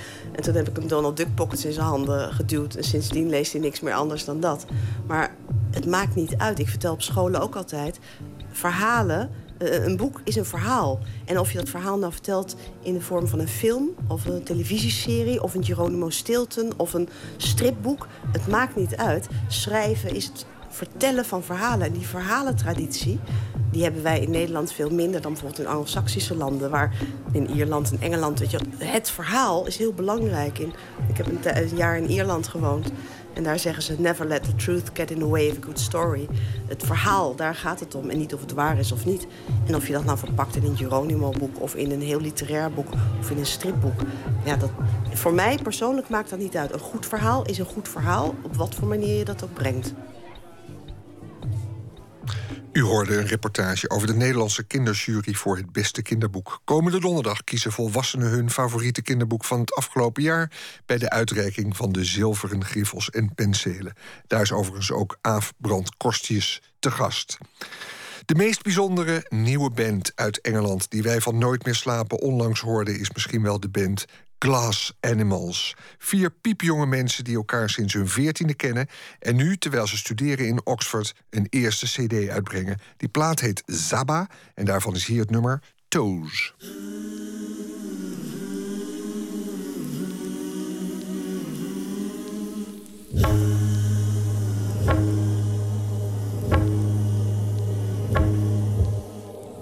Put your hand down.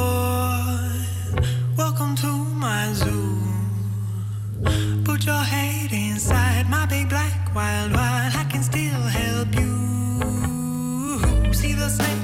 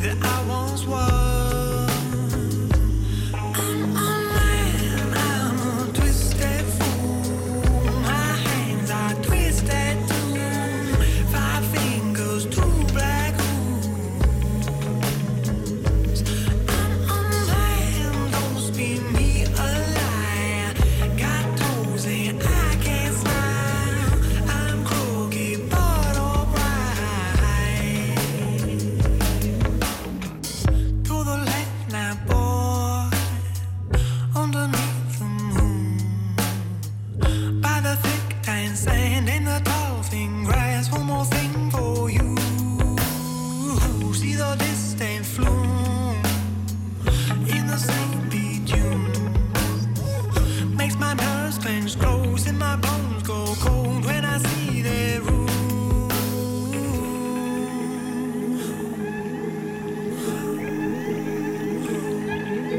And all I ever want is just a little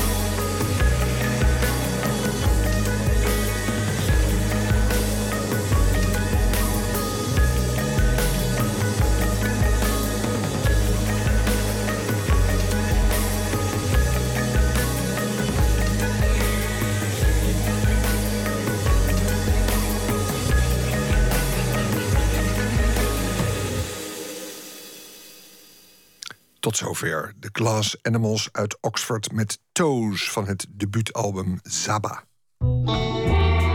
Nooit meer slapen. Ja, zoals iedere maandagnacht praten we met een van onze correspondenten in het buitenland over wat er speelt op cultureel gebied. En vandaag doen we dat met documentairemaker Michiel Vos. Hij woont met zijn Amerikaanse vrouw en kinderen in New York. En zijn documentaire serie My America wordt vanaf 27 juni uitgezonden bij de VPRO, dus vanaf komende vrijdag. Goedenacht, Michiel.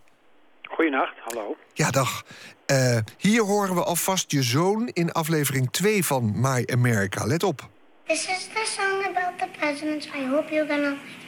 Washington, Adams, Jefferson, Madison, and Monroe. These are the U.S. presidents, all lined up in a row.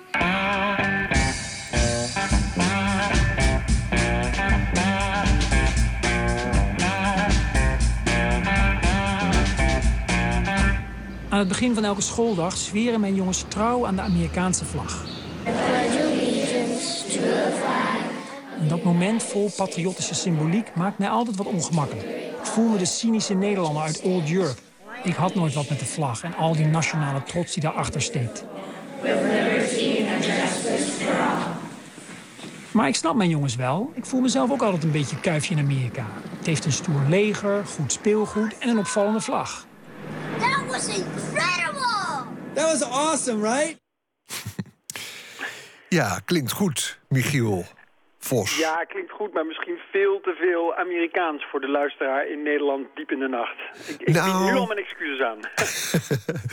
Maar je moet niet weten hoe de patriotische gevoelens op dit moment... eh, Ja, natuurlijk. Nee. hè, na de winst van Oranje ook... eh, Ja, natuurlijk. WK, hoe had ik dat nou kunnen missen? Ja, sorry. Nee, WK na Chili zitten we natuurlijk helemaal goed met het patriotisme in Nederland ook. Juist. Maar Ehm, nou, een heel klein geluidsfragmentje dus van die documentaire serie My America... die vanaf vrijdag te zien is. VPRO-gids pakt flink uit deze week... eh, en ligt alle eh, afleveringen toe. Nu voor de luisteraar in de nacht... kan je heel in het kort zeggen wat je ons zo al laat zien daarin. Nou, naar aanleiding van dit geluidsfragment, wat mij... Het is een beetje mijn Amerika. En mijn Amerika is anders dan, laten we zeggen, jouw Amerika. Of elke Europeaan die Amerika bezoekt, heeft zo zijn eigen versie van Amerika. Het is meestal New York of Los Angeles of San Francisco. Het zijn een beetje of Washington. En ik heb ooit aan Canvas bij de VRT gezegd... ik wil iets maken over mijn Amerika. Hoe ik het zie als immigrant en later als staatsburger. Ik woon hier nu tien jaar. En hoe, hoe werkt dat nou, echt Amerikaan worden? Hoe werkt dat nou als je met een Amerikaanse getrouwd bent... en je zoontjes van zes en zeven eigenlijk binnen één generatie Nederland eigenlijk al een beetje zien als een soort land met klompen ver weg vakantieland. Die, het gaat zo snel, de vervreemding van mijn achtergrond. Want Amerika is, vind ik, zo absoluut. Het is zo'n land wat je opeet of uitspuugt. Het is zo'n land wat over je heen valt. Het is zo, het veramerikaniseert je binnen één generatie. Laat, laat staan één generatie. Binnen tien jaar. Ook nu ook ik doe nu zeg maar elke ochtend braaf de hand op het hart en doe met de jongens achter in de eh, zeg maar de assembly op voorafgaand aan de schooldag doen we dan de pledge to the flag. Weet je wel, dan zweer je dus trouw aan de vlag. Nou, dat moet je dus aan een Nederlander niet vragen natuurlijk. Maar nu doe ik daar vrolijk aan mee. Ook een beetje om een voorbeeld te geven aan mijn jongetjes. Maar dat is in Amerika heel gewoon. En ik, het viel me op dat mijn jongens ook van 6 en 7, die praten over bijvoorbeeld de Amerikaanse presidenten, wat je net ook een beetje hoort, hoorde in het fragment, als een soort jongenshelden, jongensboekhelden. Weet je wel, uh, Abraham Lincoln was niet alleen de man die de slavernij afschafte, zal ik maar zeggen, maar dat was ook een man die, eh, die in een soort blokhut is geboren en op de prairie woonde en met beren vocht en vervolgens ook nog even president werd. Weet je wel, maar dat was een soort bijzaak. En het idee van de Amerikaanse held dat, dat, dat, dat vind ik iets wat... Amerika heeft heel weinig geschiedenis, maar de geschiedenis die ze hebben... die gebruiken ze enorm. En zelfs mijn kleine jongetjes, mijn Amerikaanse jochies... worden daarmee volgestopt, als het ware. En worden... Ja, die zijn al zo Amerikaans dat ik het zelfs als nuchtere Nederlander nauwelijks kan bijhouden. Begrijp je dat een Mhm. beetje? Nou, ik ben benieuwd. En ik ben ook heel benieuwd hoe zich dat gaat vertalen in, in je documentaire reeks. Moet ik me voorstellen dat je strakke scenario's hebt gemaakt en verhalen verzonnen? Of krijgen we echt een soort, soort, soort bij Michiel Vos thuis-achtige reeks? Ja, dat laatste meer. Ik bedoel, ik praat met mensen die ik ken of die ik via via ken. Ik doe liever niet de interviews met de professor die Amerika uitlegt... maar meer het gesprek met een vriend die mij zegt... ja, Michiel, jij denkt wel dat je immigrant bent... maar je bent natuurlijk eigenlijk niet echt een immigrant. Als we in Amerika aan een immigrant denken, dan denken we aan de Godfather... weet je wel, dat hij aankomt op het eiland en dat hij uit Italië komt of uit Ierland. Dat zijn altijd de enige twee landen waar je uit mag komen, zou ik maar zeggen. Je moet arm zijn en Amerika is het land van de hoop. Voor mij was dat helemaal niet zo. Ik landde gewoon op John F. Kennedy Airport en trouwde met een Amerikaanse. Dat is wel heel anders.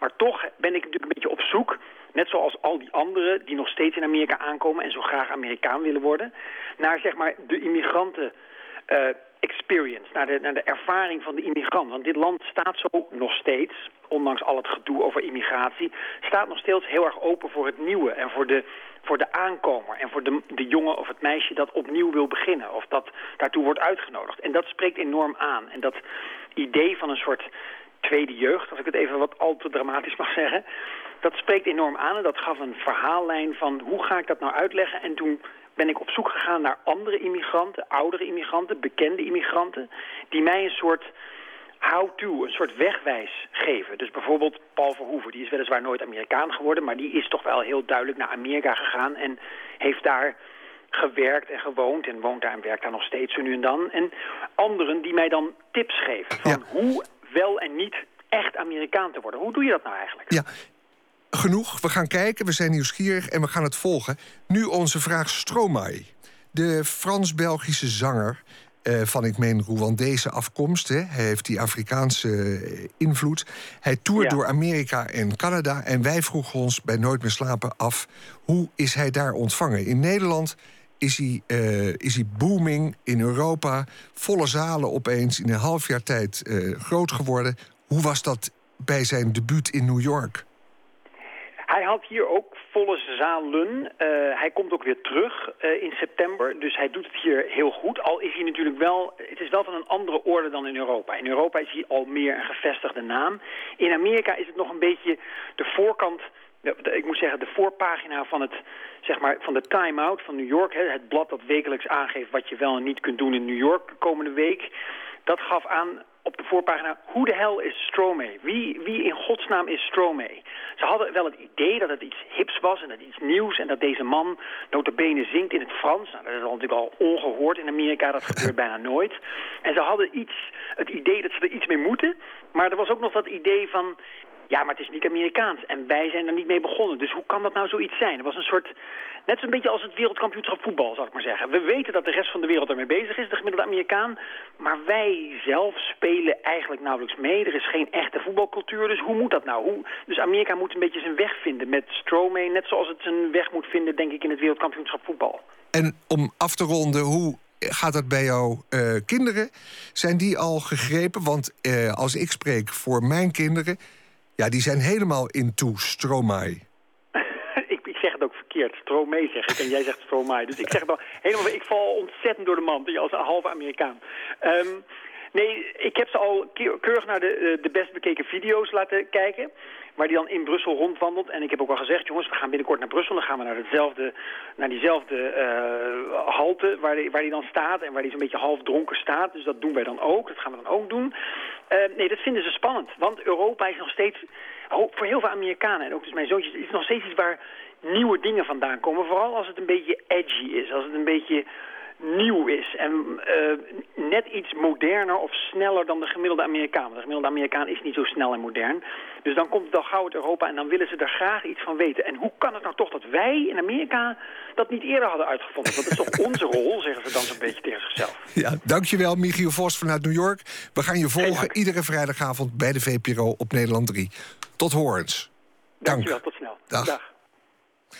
En we gaan luisteren naar de muziek van T. Lau. Het zal niemand ontgaan zijn, de zanger van de band The Scene. T. Lau is ziek en zal niet lang meer leven. Maar hij geeft zich niet zonder slag of stoot gewonnen. Zo voltooide de Scene dit weekend een afscheidstournee. Komt er in september een roman van T. Lau uit. En verscheen er afgelopen week een cd met daarop in vier delen... de muzikale toonzetting van een koortsdroom die T. Lau in het ziekenhuis had. Geen makkelijke kost, maar we wilden u die muziek toch niet onthouden. Luister naar T. Lau met Platina Blues Part 4.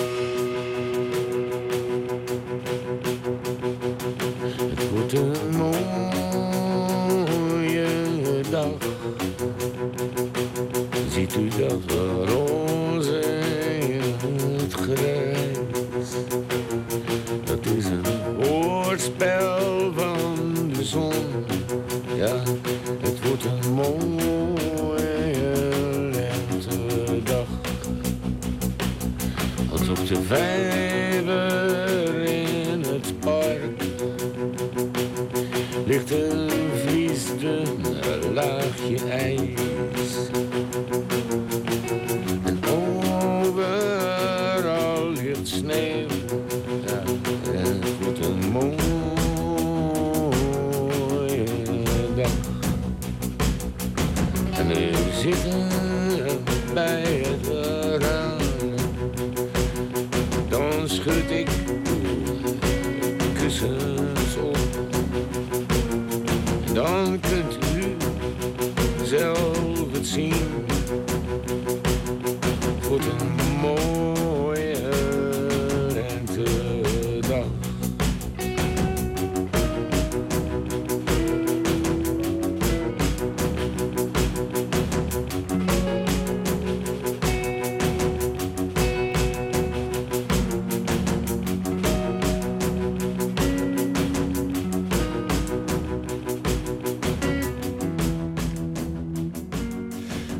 Platina Blues Part 4. U hoorde Telo, voorman van de band The Scene. De zanger die zo openhartig is over de ziekte die hem noodlottig zal gaan zijn: kanker.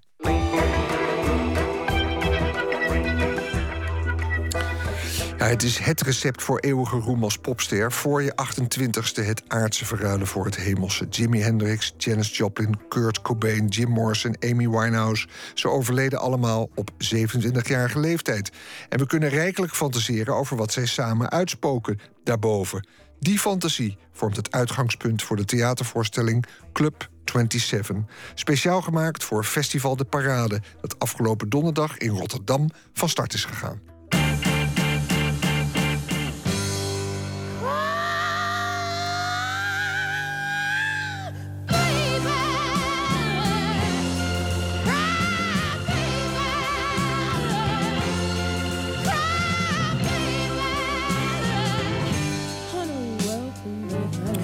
Club 27 is het laatste plekje waar de jaren 70 nog voortleven. Alles kan, alles mag. Maar dat willen de mensen niet meer. Die denken bij de jaren 70 aan gebroken gezinnen, verwaarloosde kinderen, drugs, aids. Aids? Aids, ja.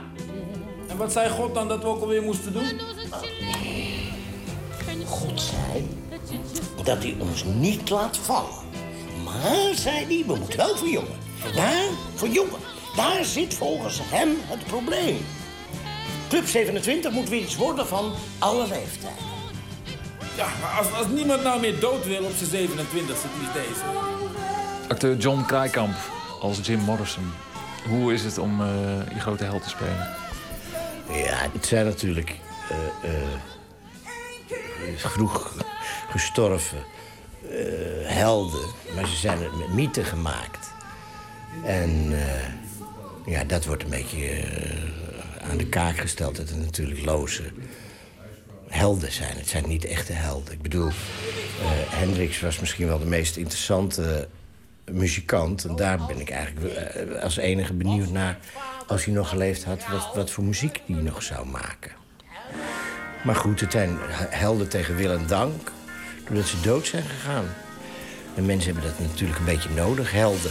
Het is natuurlijk een mythe, die wordt wel een beetje doorprikt. Want zijn, eigenlijk zou het ook uh, in een bejaardentehuis kunnen afspelen... maar het, het speelt zich af op een wolk in de hemel. Angel came down from heaven yesterday.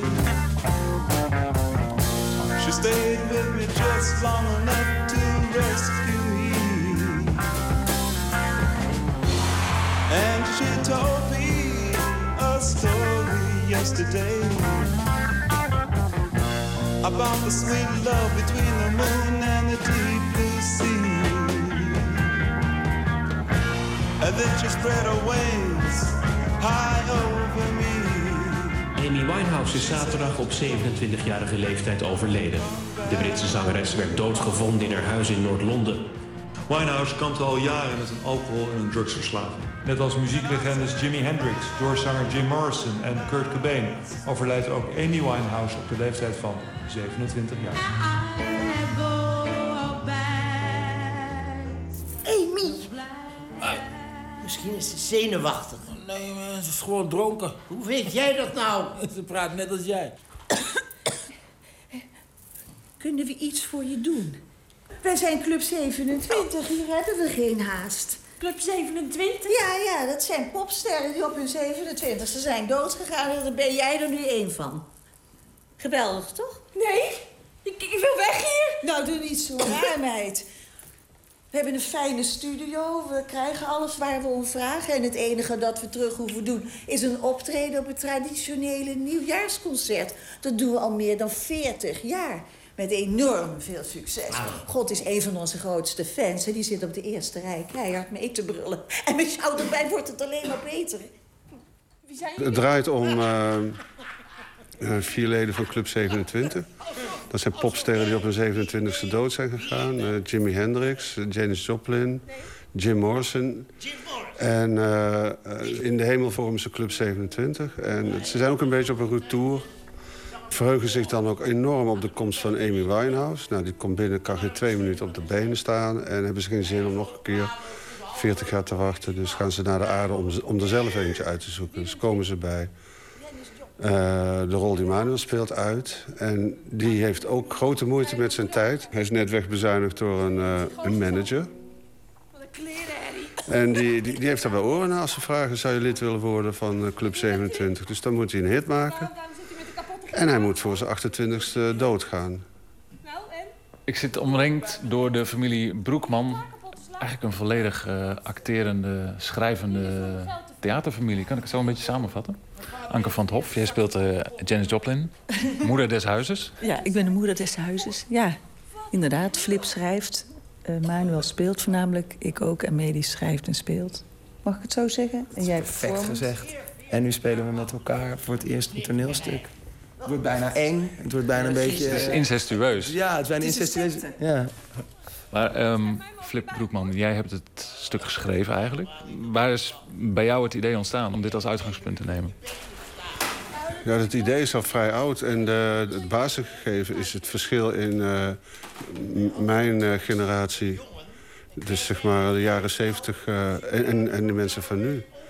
En op een gegeven moment zag ik een, een documentaire over de jaren 70. En we hadden natuurlijk ook allemaal rare dingen. En op een gegeven moment dacht ik, nou, het was, het was gewoon echt een leukere tijd dan nu. Het was allemaal wat creatiever en wat minder zakelijk. En En toen was dit idee er al om iets met die Club 27 te doen. Dus toen was eigenlijk het tweede idee... dan moet het ook maar een tegenstelling worden tussen onze tijd en die van hem.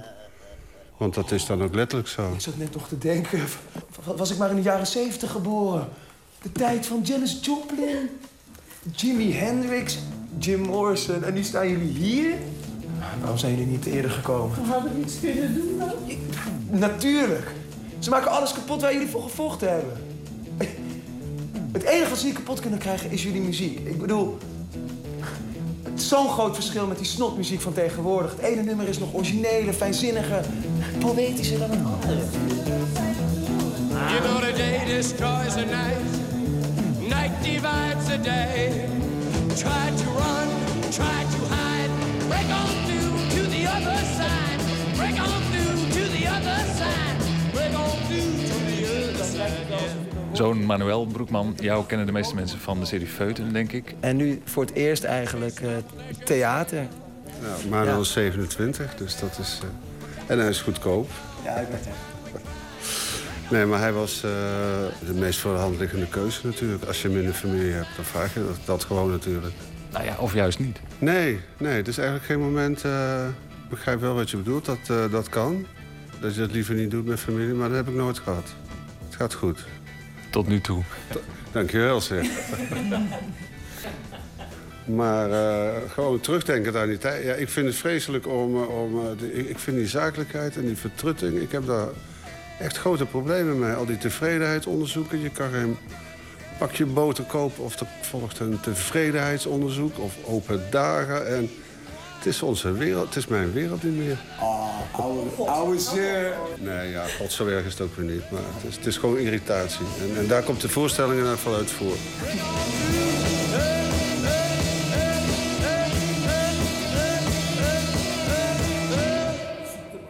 Regisseur Gerard-Jan Reinders. Wat is uw eigen link met die tijd, met die, met die eh, roerige jaren 60? Nou ja, ik, was, ik ben eh, uit die tijd, bij wijze van spreken. Ik, bedoel, ik heb het allemaal op die leeftijd, toen ik was begin twintig, allemaal, ik heb het allemaal meegemaakt. Ik heb, eh, ik heb in het maagdenhuis gezeten. Ik was vlakbij eh, de actie Tomaat. eh, en ik ken die muziek allemaal. Dus Cobain en, en, en, en ja, het, het gaat over mijn generatie. Uw oeuvre is omvangrijk natuurlijk. Heeft u vaker regie gedaan voor stukken op de parade? Ehm, nee, niet echt specifiek voor de parade. Ik heb wel een voorstelling geregisseerd ooit voor Bellevue Lunch Theater. En daar is een paradeversie van gemaakt. Dus ik heb wel ervaring met eh, de parade. Maar dit is voor het eerst dat ik echt specifiek voor de parade iets regisseer. En wat vereist dat? Eh, Luister, als ze ons niet willen... je moet niet al te subtiel willen zijn. Je moet vooral helder zijn. En da- je moet ook heel duidelijk eh, in, in, je, in je keuzes zijn. eh, zowel als regisseur als als acteur. Ja, je moet het grove geweld niet schuwen. Maar dat betekent niet dat je niet af en toe ook gewoon hele indringende stiltes in kan bouwen. Om het verhaal maar duidelijk te maken. Ik kan me voorstellen dat het wel lekker is voor u om tussen dingen die een wat subtieler aanpak vereisen... nu gewoon eens lekker van dik hout. Dat is, dat is, dat is hartstikke leuk af en toe. En, eh, maar dat wil niet zeggen dat het makkelijk is. Want je moet toch eh, juist hier heel, heel precies aangeven... wat gebeurt er, waar switcht het om, wat is de situatie. Eh, Terug naar aarde. want je hebt niet zoveel tijd. Wat is, wat is uw naam? Huh? Ja, wat je naam is. Naam? Je naam. Jimi Hendrix. Wat is uw beroep? Hey, gitarist. Ja. Wat vraagt u aan? Ja, een nieuwe gitaar. En wat is uw reden? Waarom? Omdat ik mijn oude kapot geslagen heb. Heeft u een doel? Doel? Goed. Wat is uw doel? Denkt u die te bereiken? Wat, eh, heeft u sponsors? Spon en een dekkingsplan? Heeft u een PR-strategie?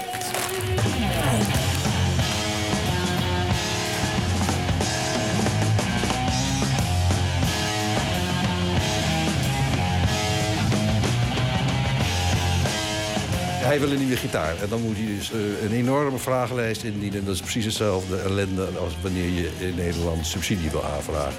Dan willen ze van alles weten. Hoeveel mensen er komen, hoeveel jongeren, hoeveel ouderen... hoeveel gekleurden, hoeveel witte, eh, enzovoort, enzovoort, enzovoort. Je moet eigenlijk al precies aangeven hoe, hoe je succes is.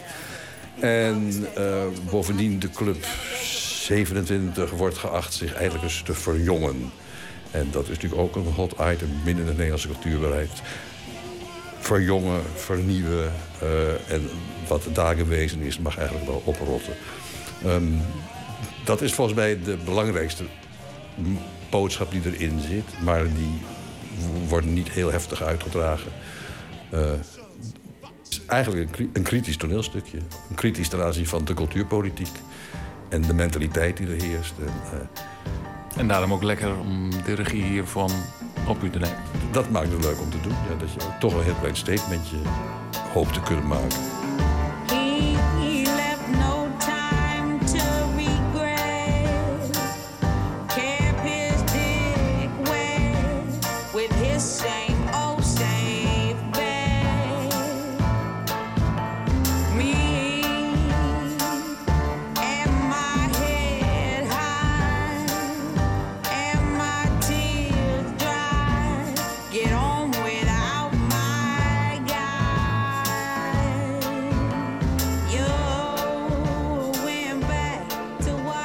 Dochter Medi, eh, jij mag een paar keer invallen geloof ik in de rol van Amy Winehouse. Ja, ja. Zo zit dat in deze familie. Dat, eh.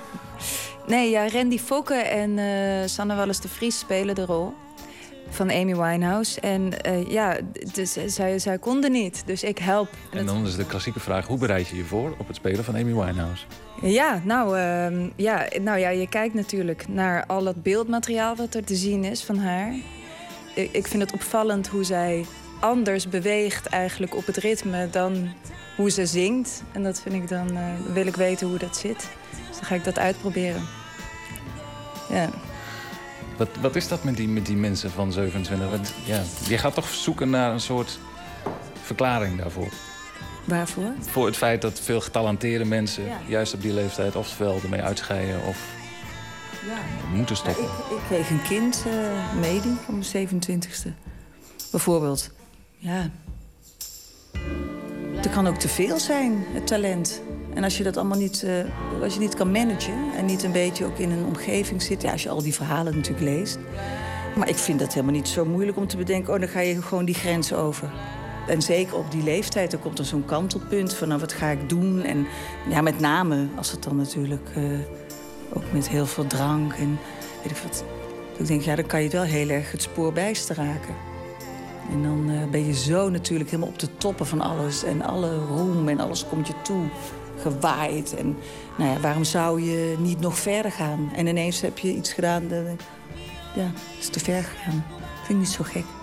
Het is, het is wel raar. Je, je- je zou kunnen denken, als je eh, zou zeggen club 25... of je dan op dezelfde hoeveelheid sterren uitkomt. Maar ik heb ook het gevoel dat 27 een hele... Voor mij was het juist de, de, de, mooiste leeftijd. Dus het, he- het heeft wel iets, eh, iets, iets raars magisch, eh, 27.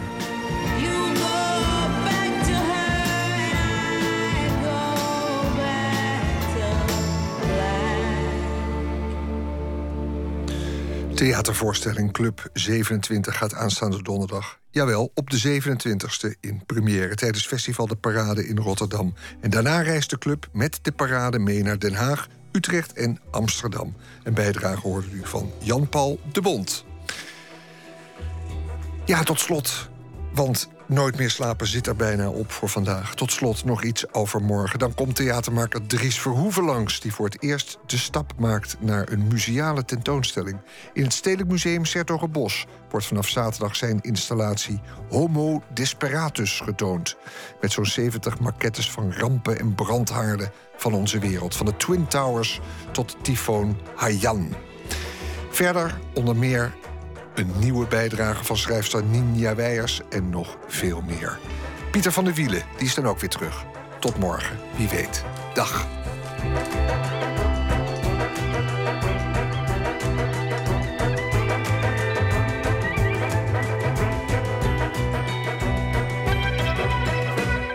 Op Radio 1, het nieuws van alle kanten.